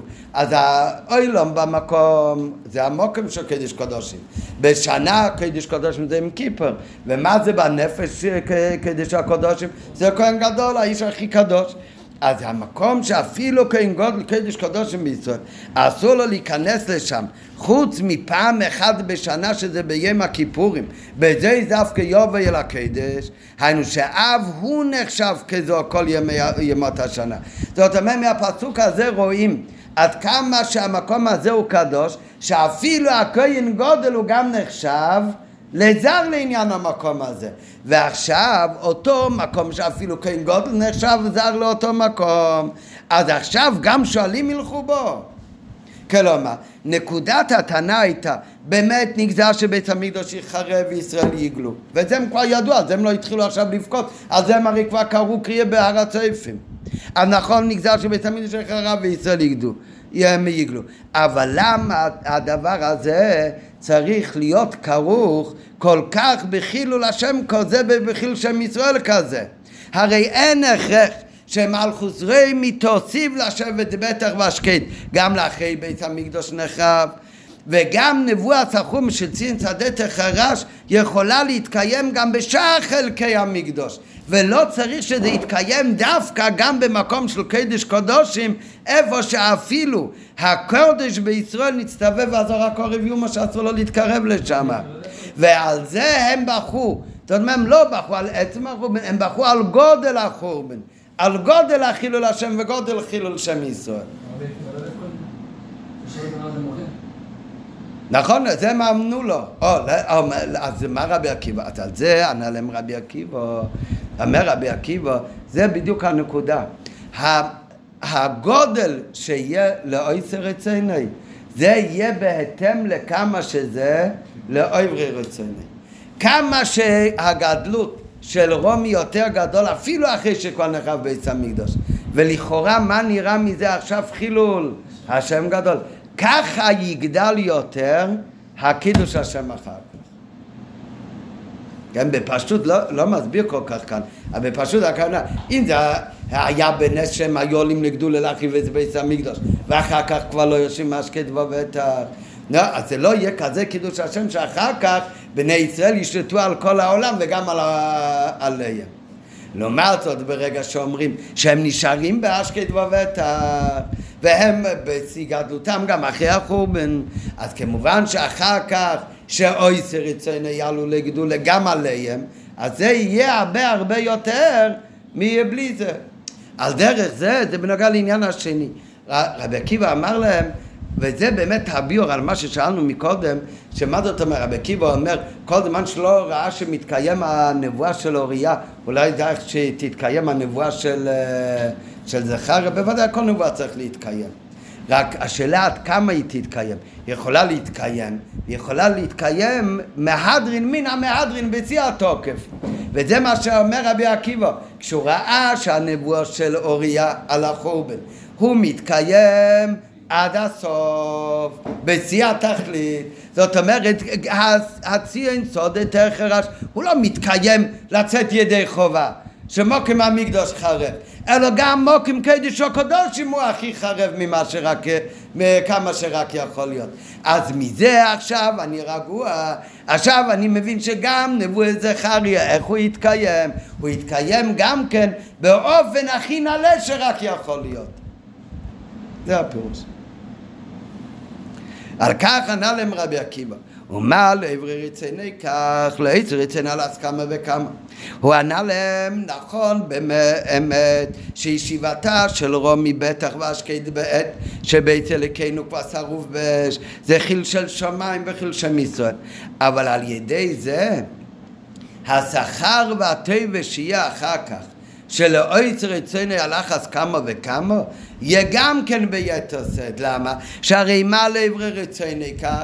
אז לאויצר רצוני הלחץ כמה וכמה, זה לאו דווקא עם הרומאים אותו דבר, זה הכוונה בכללות העניין, שאם לעברי רצוני בגלל הגזרת של החורבן נהיה כל כך טוב, אז אם ככה לעתיד לבוא, כשלאויצר רצוני יהיה טוב, אז הלחץ כמה וכמה שזה גם יהיה בדרגה הכי נעלית.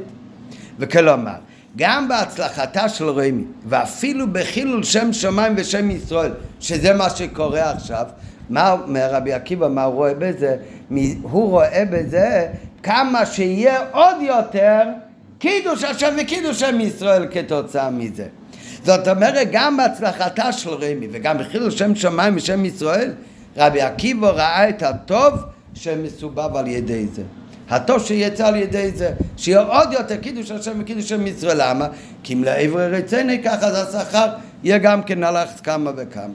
ועל דרך זה בסיפור השני. נראה בהמשך השיחה יותר מפורט וגם יותר מפורט מה ההבדל בין הסיפור הראשון לשני.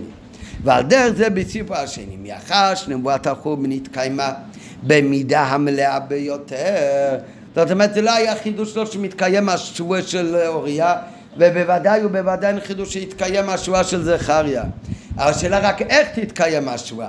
ואומר רבי עקיבא, מאחר שאנחנו רואים עכשיו שנבואה של החורבן התקיימה במידה המלאה ביותר, ולכן שועל יוצא גם מבית קודשי הקודשים, המקום הכי קדוש. הרי זה גופה גם כן הוכחה שנבואת הגאולה של זכריה גם היא תתקיים באופן הכי נעלה. לא היה לו שום ספק חס וחלילה שהנבואה תתקיים. השאלה הייתה רק באיזה אופן תתקיים הנבואה. אם יהיה בתכלס או לא. על דרך שמצינו בכמה וכמה מיהודי התורה שהברכות יכולים להתקיים, אבל יש הרבה אופנים איך זה יכול להתקיים. ומביא על זה דוגמה. ועל דרך הצמיחה שעל ידי שדה תרש כפשוטי, כמו בגשמות, על ידי שחורשים, אז זה לכאורה אתה עכשיו שובר את השדה, אבל מה קורה על ידי זה? אחר כך צומח השדה. ואיך יצמח? בברכה. אבל איזה ברכה? זה יכול להיות בכמה אופנים. יכול להיות שיתקיים הברכה על ידי ואספתו דגונכו בלבד. יכול להיות יותר מזה, כמו שכתוב אצל יצחוק, שהיה מאה שערים פי מאה תבואה גדל ממה שהיה רגיל לגדול לפי הזריעה. יתרה מזו שהתבואה שגדלה החיטים גם יהיו משונים, שהחיטים כל חיטה תהיה בגודל של כליות. או יתרה מזו, יותר מזה מה שאומר הפסוק על העתיד לבוא, בעמוס יש פסוק וניגש חורש בקוצר. בדרך כלל יש זמן בשנה שחורשים ויש זמן בשנה שקוצרים, כשחורשים כבר אין תבואה בשדה. אבל אומר הנביא לעתיד לבוא, יהיה כזה ריבוי תבואה שכל הזמן יקצרו ועדיין נשאר תבואה בשדה. וכשחורשים מחדש את השדה עדיין עסוקים בלקצור, כזה ריבוי מופלג יהיה. אז זה הכוונה שניגש החורש בקוצר. אז זאת אומרת שעצם הברכה שתהיה יכולה להתקיים, הברכה של אחרי החרישה יכול להביא הצמיחה בכמה אופנים. יכול להיות שיהיה צמיחה לברכה, שזה ואוספתו דגונכו, שזה כבר ברכה, לפעמים לא אוספים את הכל. אחר יכול להיות שזה יהיה בריבוי מופלוג, אחר יהיה באיכות מופלגה, ואחר יש בכלל בדרך ניסי, שזה וניגש אה, חורש של הקציר. וזה מה שאמר להם רבי עקיבא, בוודאי שהנבואה של זכריה על הגאולה תתקיים. השאלה רק באיזה אופן יתקיים. עכשיו שראיתי שהתקיים החורבן, הנבואה של אוריה, בשיאה, במידה הכי מלאה רק שיכול להיות. אז זה גוף ההוכחה שגם הגאולה תהיה באופן הכי נעלה שרק יכול להיות. וזה הכוונה גם בפסוק, שהעמיד להם שתי נביאים נאמנים. מה הקשר בין... הכוונה שזה תלוי באמת אחד בשני. זה באמת, מה, הנבואה של זכריה תלוי בנבואה של אוריה? כל נבואה זה בפני עצמו. מה הכוונה שתלוי פסוק אחד בשני? הכוונה זה תלוי באיזה אופן זה יתקיים. ולפי ערך הירידה אתה יודע גם כמה יהיה העלייה. ולכן רבי עקיבא היה משחק. ומתוך אופן קיום נבואת החורבן של אוריה, לפי זה ראה רבי עקיבא, שגם קיום הנבואה של הגאולה יהיה גם באופן הכי נעלה. ועל פי זה מובן גם הטעם ששאלנו מקודם, יש הרבה פסוקים על החורבן. למה הוא הביא דווקא את הפסוק ציון שדה תחרש? למה? בזה, בהביאו דווקא את הפסוק הזה, בזה הוא גם אמר להם מהו התוכן של השמחה שלו. בדיוק כמו חרישה, מישהו יגיד כשמישהו חורש שדה, אתה מקלקל את השדה עכשיו? כי אתה שובר אותו? בוודאי שלא, למה? כי החרישה עצמה, בעצם זה כבר ההתחלה של הזריעה, הרי בלי זה אי אפשר לזרוע, ובלי זריעה זה לא צומח. אז איפה מתחיל הצמיחה בעצם?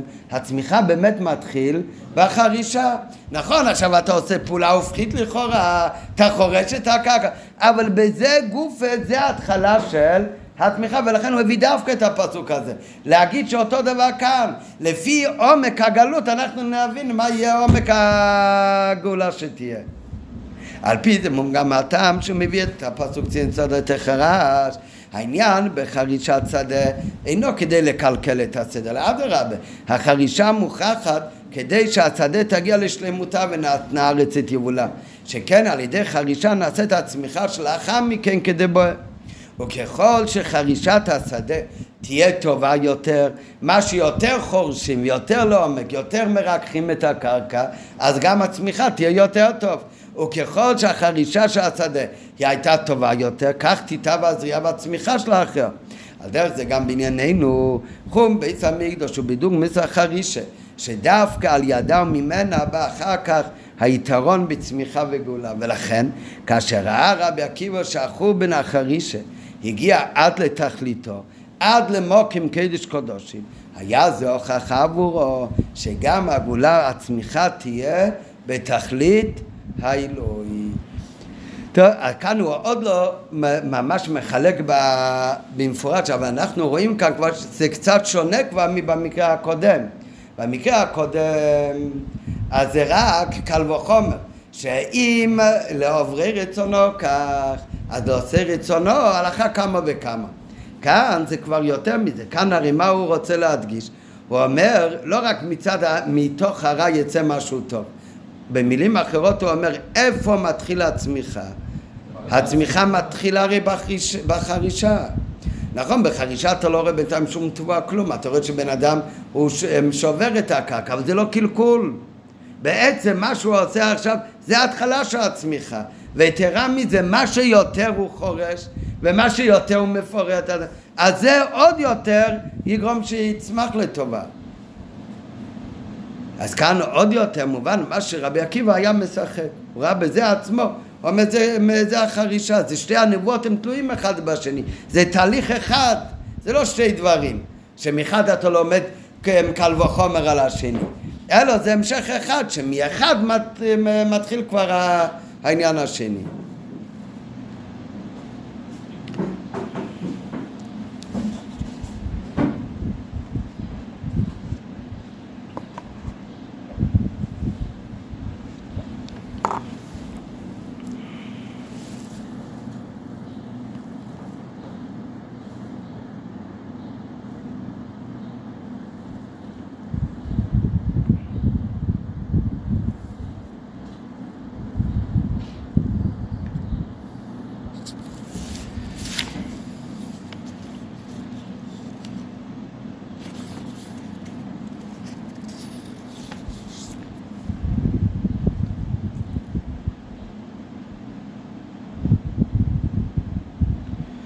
כן, אה, אה, בהערה 42, בזה הוא אומר, לכן מביאים את הפסוק ועזר הקרב יומת ולא את הפסוק ועל יבוא בכל עת אל הקודש. כי הרי מה הם רצו להדגיש כאן?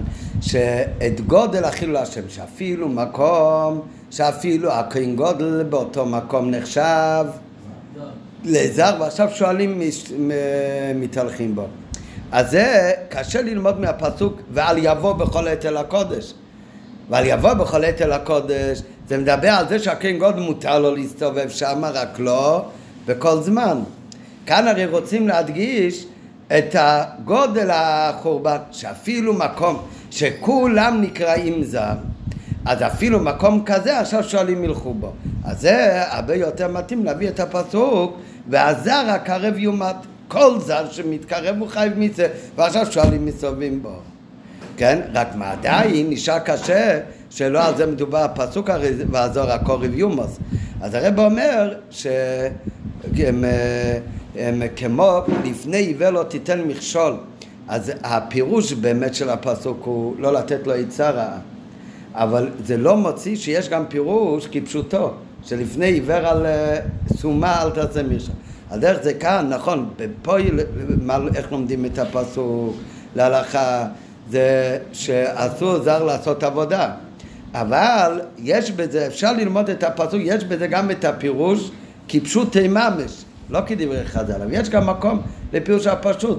והזר הקרב יומו שאסור לשום זר להתקרב למקדוש, בלי קשר לאביידה. וזה כולל אפילו את הכהן גודל בקדש הקודשים שלו בש"ס אביידה. שגם אז זה נקרא זר הקרב יומת. טוב, ו... אז זה בהערה 42, אבל לכן מביא דווקא את הפסוק הזה כדי להדגיש איך שלגבי המקום הזה כולם נחשבים לזרים, כולל כהן גודלים זה לא בזמן אביידה. לעומת זאת עכשיו אפילו שואלים ילכו בו. אז זה מדגיש עוד יותר איך שהתקיים כאן הציין סודת תחרש עד הסוף, ולכן אומר רבי עקיבא זה עצמו הוכחה שגם כן הנבואה של זכרי תתקיים במילואה באופן הכי נפלא, הכי נעלה.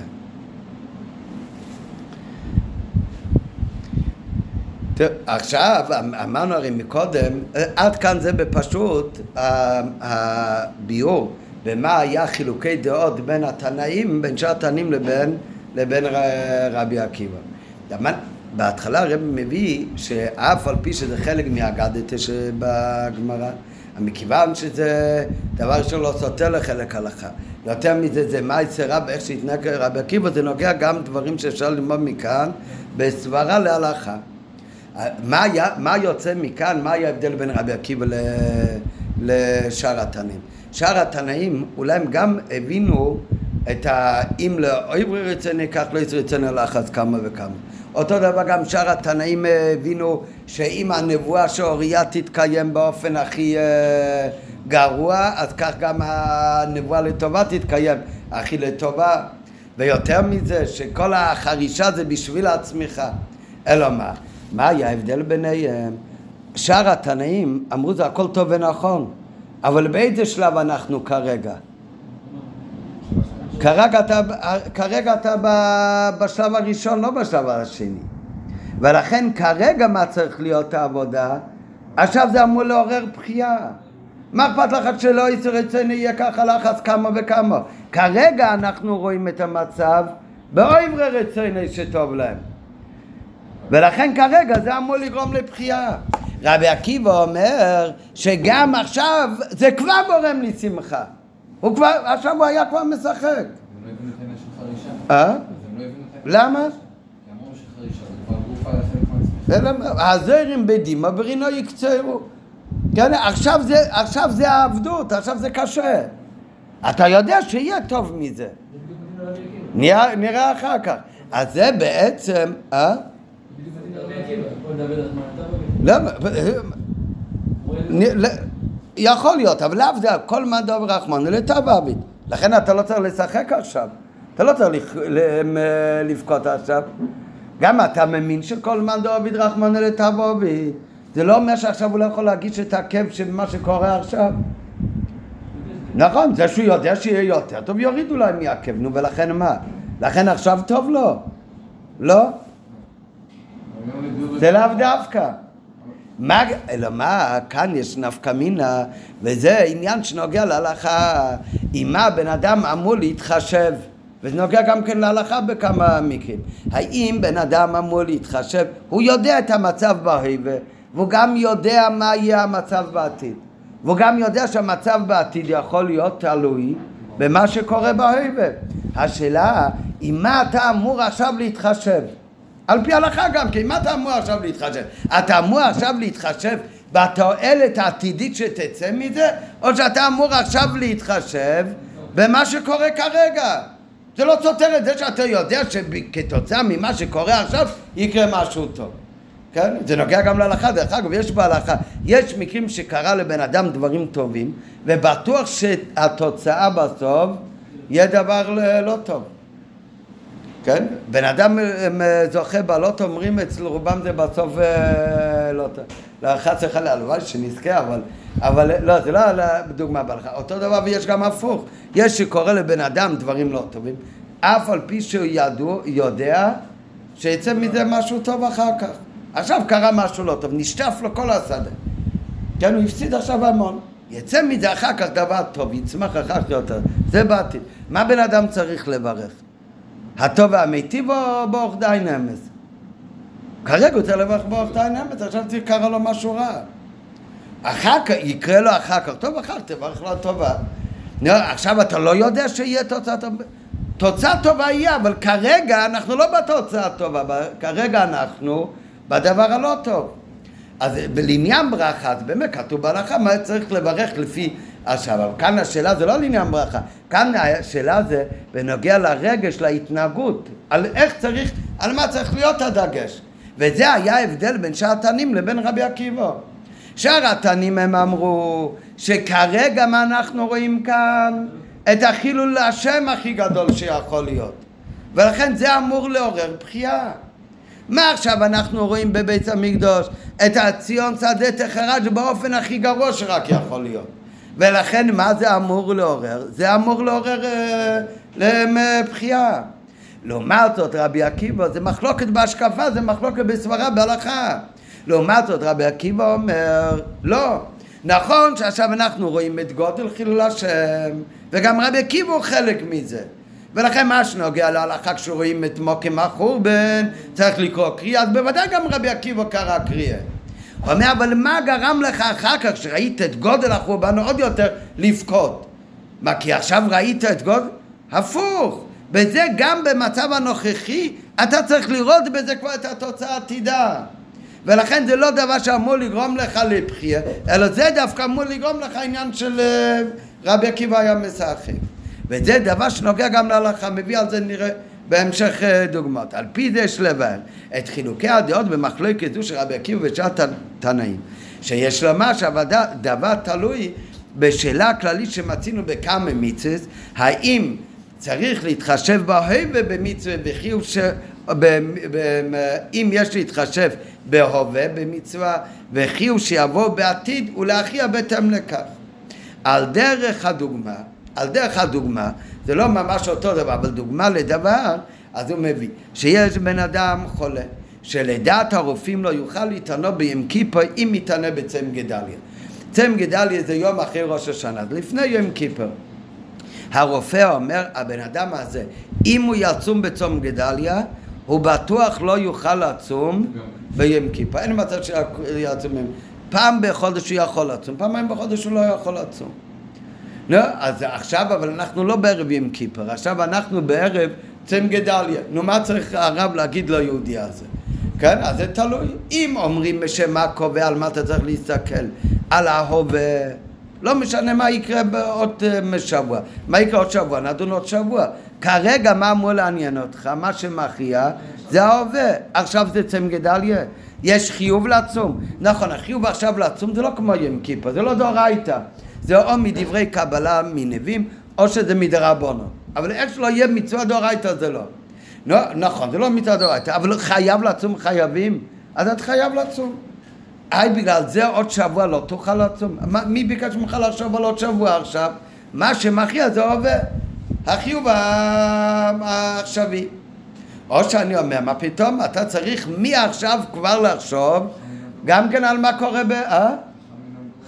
חכם עיניו בראשו, נו בוודאי, אבל חכם עיניו בראשו זה שזה לא סותר מה שקורה עכשיו.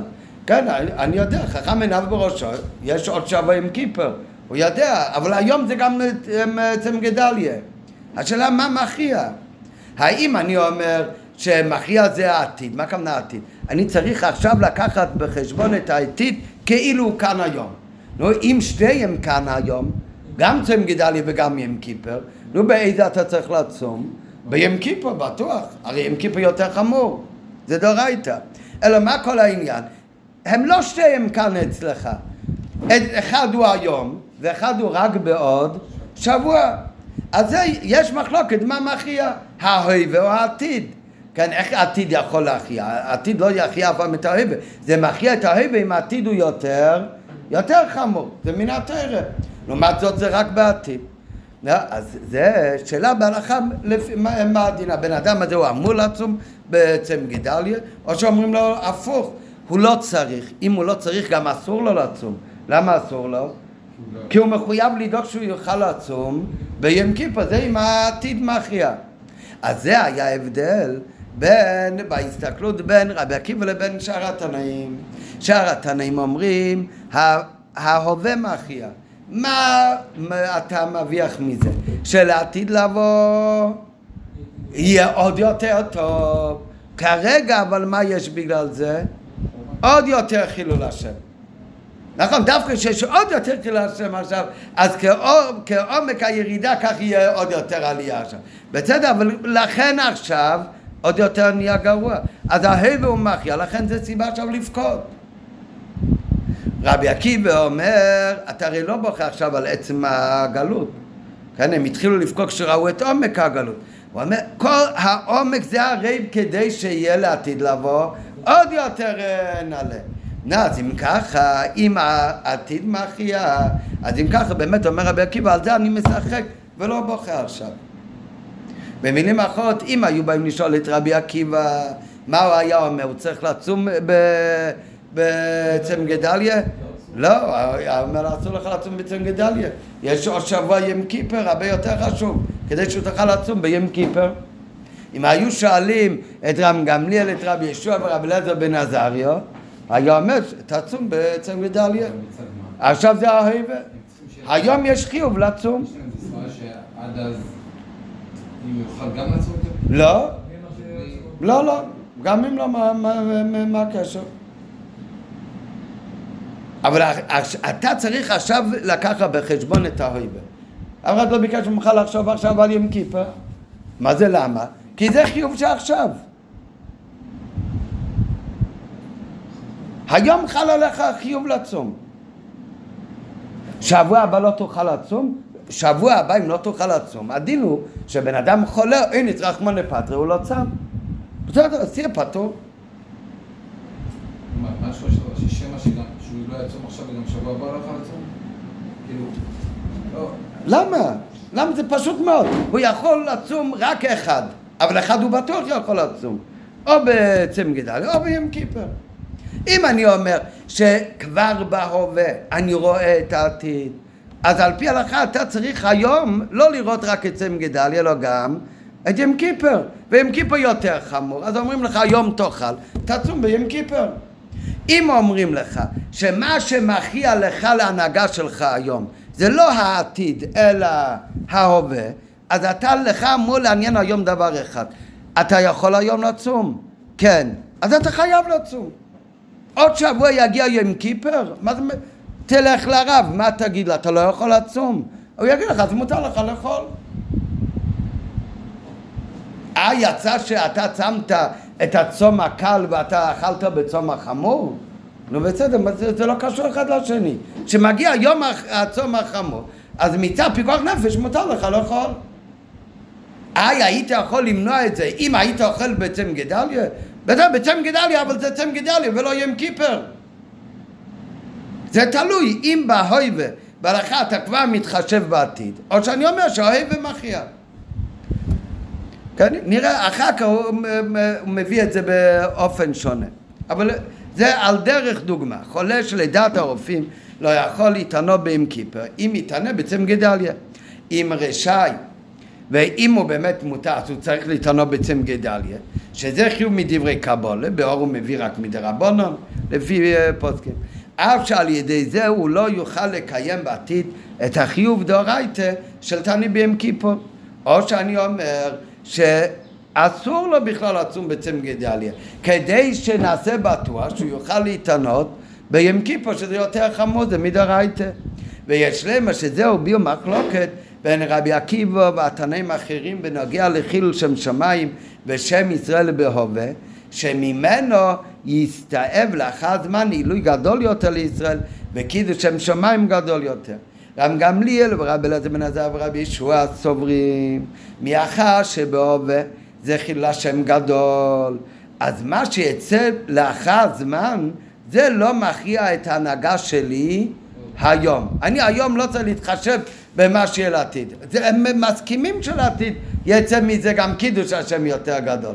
אבל מה שיצא בעתיד זה לא מכריע את ההנהגה שלי בהווה, בהווה מה יצא מזה?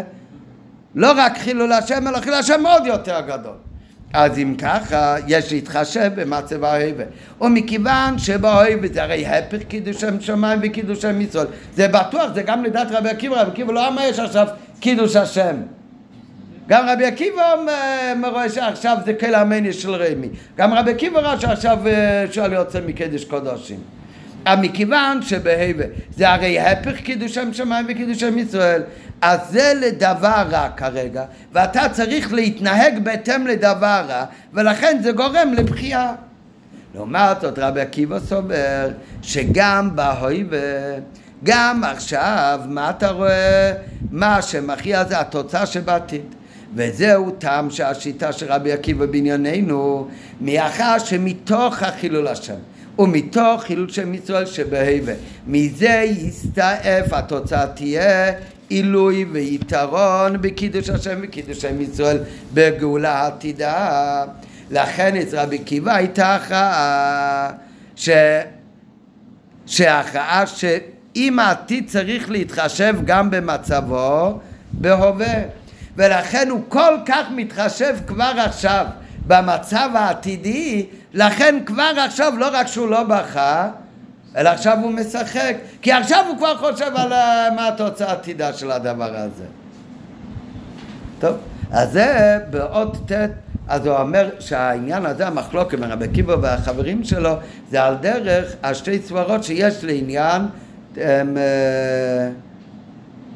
הם, הם, לעניין התענית, אם ההווה מכריע או העתיד מכריע. אם עתיד מכריע הוא צריך לצום ביום כיפר, ואסור לו לצום בעצם גדליה. אם ההבל מכריע, אז גם אם הצום עכשיו יותר קל, עכשיו הוא מחויב, הוא יכול לצום, אין לו פטור מעכשיו לצום.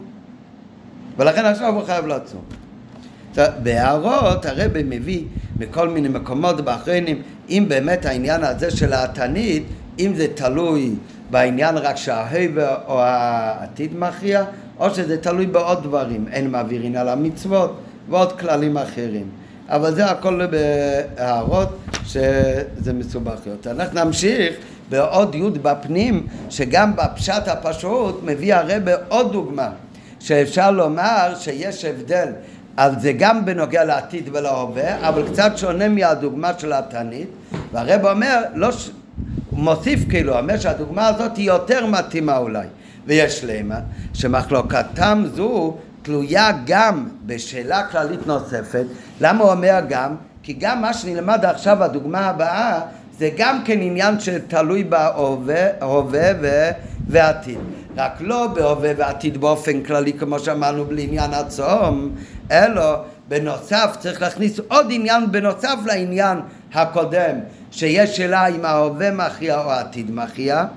אז זה תלוי גם בשאלה כללית נוספת שהיא נוגעת יותר וזה יותר דומה לתוכן דידן לשאלה שלנו בעניין החורבן. למה זה נוגע יותר? אז בהערה מביא גם שבנידון דידן יש לומר דעה וגדר מצווה אחת קידוש השם וחילול השם. מה שאין כן בהנ"ל שעיקר השאלה היא בשתי מצוות. ראים במקומות שצוינו בהערה הקודמת. מה זאת אומרת מקודם יש מצווה לצום ב... בעצם גדל. יש מצווה לצום ב... בים כיפר והשאלה מה מכריע את מה? מצד אחד ים כיפר יותר חמור. מצד שני עכשיו אנחנו בצם גדליה וזה חיוב שאני חייב היום לעשות.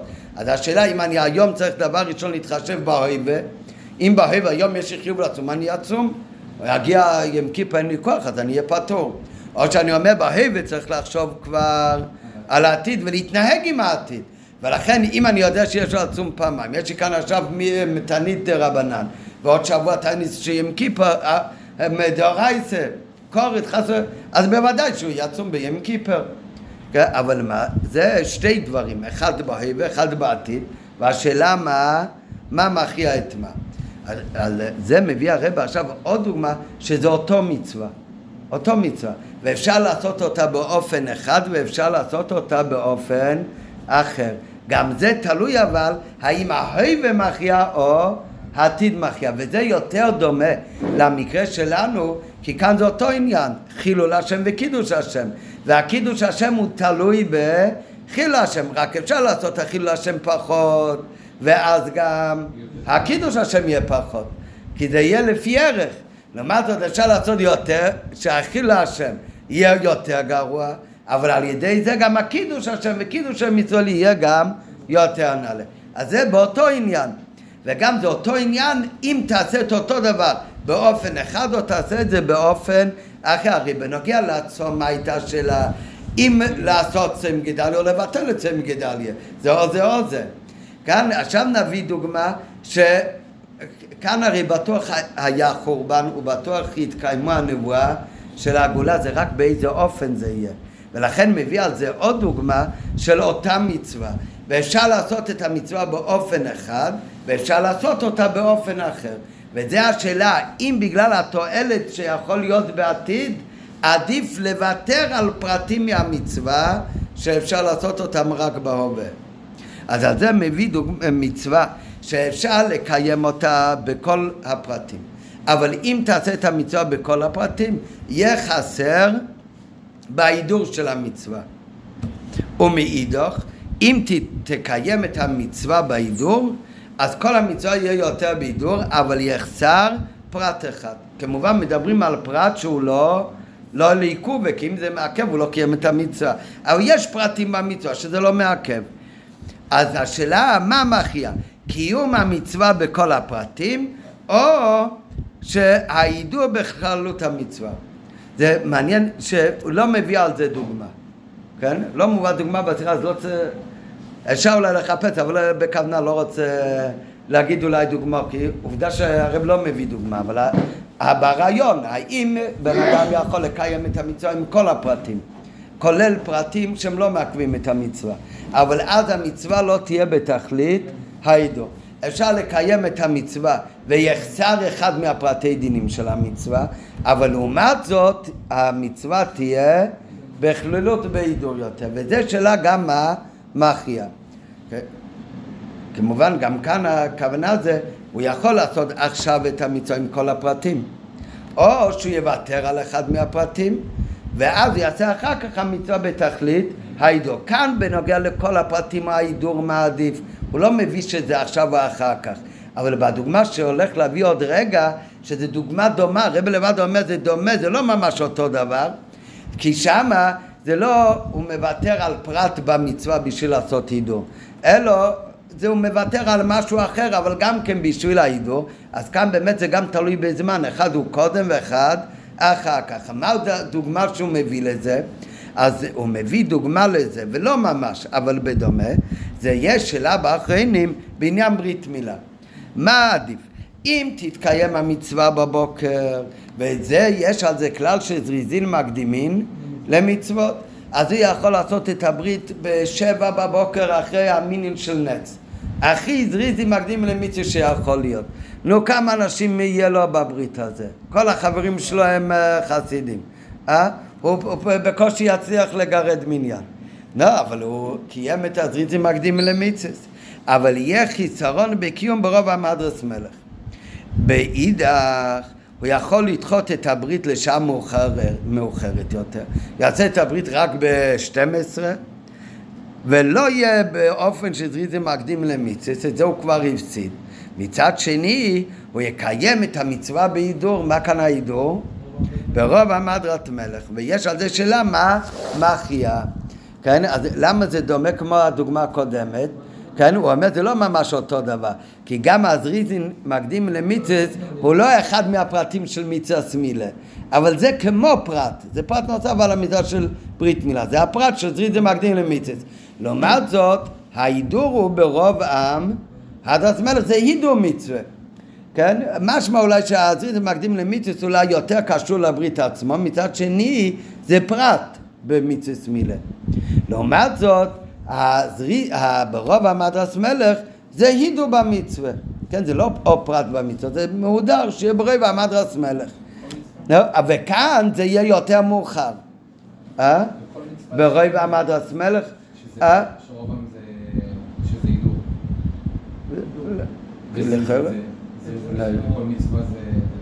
אה? כן. אז, אז לכן הוא הרי אומר, זה דוגמה לדבר ולא ממש. כי מקודם הוא אמר, יש הרבה פרטים במצווה, כולל פרטים שהם בכלל לא מעכבים, אבל זה פרט מדין מצווה. ויש הידור מצווה, הידור מצווה זה לא פרט. זה הידור לקיים את ה... זה, כלי וענווהו על דרך, אז זה הידור מצווה. אז השאלה, מה מכריע? אז הוא מביא על זה דוגמה. הדוגמה כאן, כי לכאורה אפשר להגיד גם זריצי מקדים למצווה זה סוג של הידור, וגם רבע מדרס מלך זה סוג של הידור. אבל אולי זריצי מקדים למצווה זה יותר מהידור. זה, הם לומדים את זה מה... אה. כן, באחרים גם אה, הם, אה, הם, הם, איך קוראים לזה? הם גם דנים על זה, אם זיזי מקדים למיצס זה הופך להיות חלק ממיצס מילה, זה משהו נוסף. ברוב המדרס מלך הוא לא חלק ממיצס מילה, זה בטוח משהו נוסף. לכן הוא אומר, אבל על דרך זה. אז יש בזה שאלה מה דוחה את מה. וכאן באמת, זה גם קשור לזמן. הזריזי מקדים למיצס זה לעשות את זה יותר מוקדם. או שאתה אל תעשה עכשיו, אז עכשיו אתה מפסיד את הזריזין מקדים למיצס, אבל אתה הולך לעשות את אותו מצווה, את הברית מילה, זה לא, זה לא במקום צום גדליה אתה תצום ים כיפר. אתה תעשה את הברית, רק במקום לעשות אותו באופן של זריזים מקדימים ולוותר על ההידור מצווה של, אה, אה? של ברבע מדרס מלך, אז במקום, או שאתה, זה דרך אחד, או שאני אומר, ברבע מדרס מלך אחר כך, הוא לא יכול לדחות את הזריזין מקדים למיתוס עכשיו. מה אתה אומר? גם בקידוש לבון יש גם כן שאלה כזאת. מגיע אחרי שבע ימים שלמים, אז יש ב- לעשות זריזים מקדים למיצס, לעשות ביום חמישי בלילה קידוש לבונה, או לחכות למצואה, שבת לעשות ברבע המדרס מלך ובבגדי שבת, גם על דרך זה.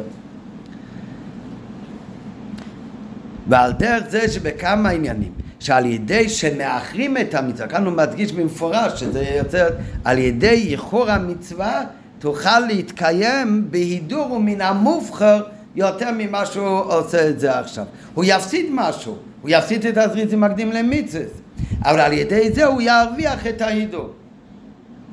וגם בשאלה זו תלויה מחלוקותם.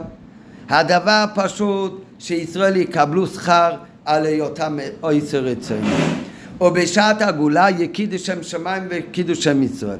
השאלה היא רק כאשר מלכוס רמי שעבדים אבידי זור יושבים בטח והשקד בנו בבית אלוקינו צרוף וכשיש מצב של שולשיות מבית קודשי הקודשים זה מוקים שקוסו בבעזור הקורב יומוס הרי עכשיו זה גורם עניין של חילול שם שמיים וזה חיסרון בעצם העניין של קידוש שם שמיים אתה מפסיד כאן בכלל עניין של קידוש שם שמיים זה חילול השם אתה מפסיד משהו כאילו פרט במצווה עצמה לעומת זאת, מה תרוויח מזה?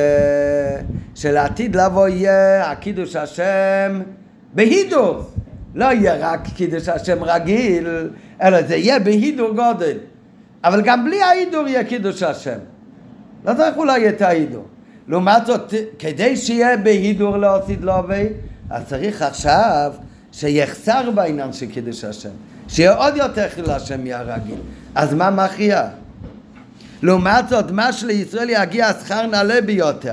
כשנבואת זכריה תתקיים, לא סתם, כי זה בטוח שיתקיים, אלא באופן נפלא בייסר, זה עניין של הידו בתי ספר, זה כמו הבורא והמדרס מלך. אבל בשביל זה הוא מפסיד כרגע פרט בדין של קידוש השם, על זה יש עכשיו יותר חילול השם. אז מה מכריע? אז אף על זה עניין שמוסיף בהידו ותוספת בערך יומים, בבריאוס, מה שיהיה לעתיד לבוא. שאפילו זה יהיה, לא סתם שיהיה אריכוס יומים ויתחס המסים, אלא זקנים וזקנות יסתובבו ברחובות העיר. אז זו ברכה מופלאה יותר מהטבע והרגיל. אז נכון, ית, יתווסף בקידוש שם שמיים שיבוא לאחר זמן. מצד שני, בגלל זה מה קורה כרגע, מוותרים אבל עכשיו בגלל זה על חלק גדול מקידוש השם, שהחיל השם הוא עוד יותר גדול. ולכן רם גמליאל, רב אליעזר בן עזר ורבי ישוע, כי עכשיו ישנו חיסרון בעצם העניין של קידוש השם. ונכון, בכל מקרה אחרי החורבן לא היה קידוש שם מצוות וקידוש שם שמיים. אבל לא צריך להיות באופן כזה שמתחלל שם שמיים בתכלס. כן? אין קידוש השם, אבל לא צריך להיות כזה חיל השם שאותם אלה שהחריבו את בית המקדוש יישארו על הגובה. שזה עוד יותר חיל השם. ולא צריך להיות שהציון בסוד תכף צריך להתקיים באופן כזה שדווקא מהמקום שכן גוד לא יכול להיכנס, שם עכשיו שועלים מסתובבים. זה חיל השם עוד יותר. הנה מה שלאחר זמן נסתאב מזה, רק מה מרוויחים מזה? שלעתיד לבוא קידוש השם יהיה בהידור גודל. יהיה הלחץ כמה וכמה. יהידור ויצופי קידוש השם, זה לא נוגע. זה לא נקרא רווח. ולכן הם היו בוכים. אפילו שידעו שזה מה שיקרה. לעומת זאת, רבי עקיבא סובר, מתי תעשה את הברית? בשמונה בבוקר ברובם. ברובם, כמו שהרב קפלן עשה השבוע. אז לכן רבי עקיבא אומר, ההידו בכלל המצווה מכריע לגבי פרט במצווה. ולכן ההידור שנוסף אחר הזמן בכלול לצינים של קידוש השם גובר על החיסרון שישנו עכשיו בעצם קידוש השם. לפיכך רבי עקיבא עכשיו כבר היה שמח ורבי עקיבא היה משחק. טוב, זה, זהו הכל הביאור הכללי בהבדל בין רבי עקיבא לשאר התנאים. המשך השיחה הרב הולך להסביר בתוך רבי עקיבא גופה מהו החידוש בכל אחד מהשלוש דרגות כל מן דוד רחמוני לתבוביד ועל זה שמוותרים על משהו עכשיו כדי שיהיה יותר עידוד שאם לעשר עברי רצוני כך לעשר רצוני הלחץ כמה וכמה ואחר כך מה חידוש עוד יותר גדול בעניין השלישי שאומר רבי עקיבא שהעתיד מכריע אפילו בעניין ש... שאם התקיימה ככה הנבואה של אוריה, בוודאי שתתקיים הנבואה של זכריה. והצריך אותה של כל אחד.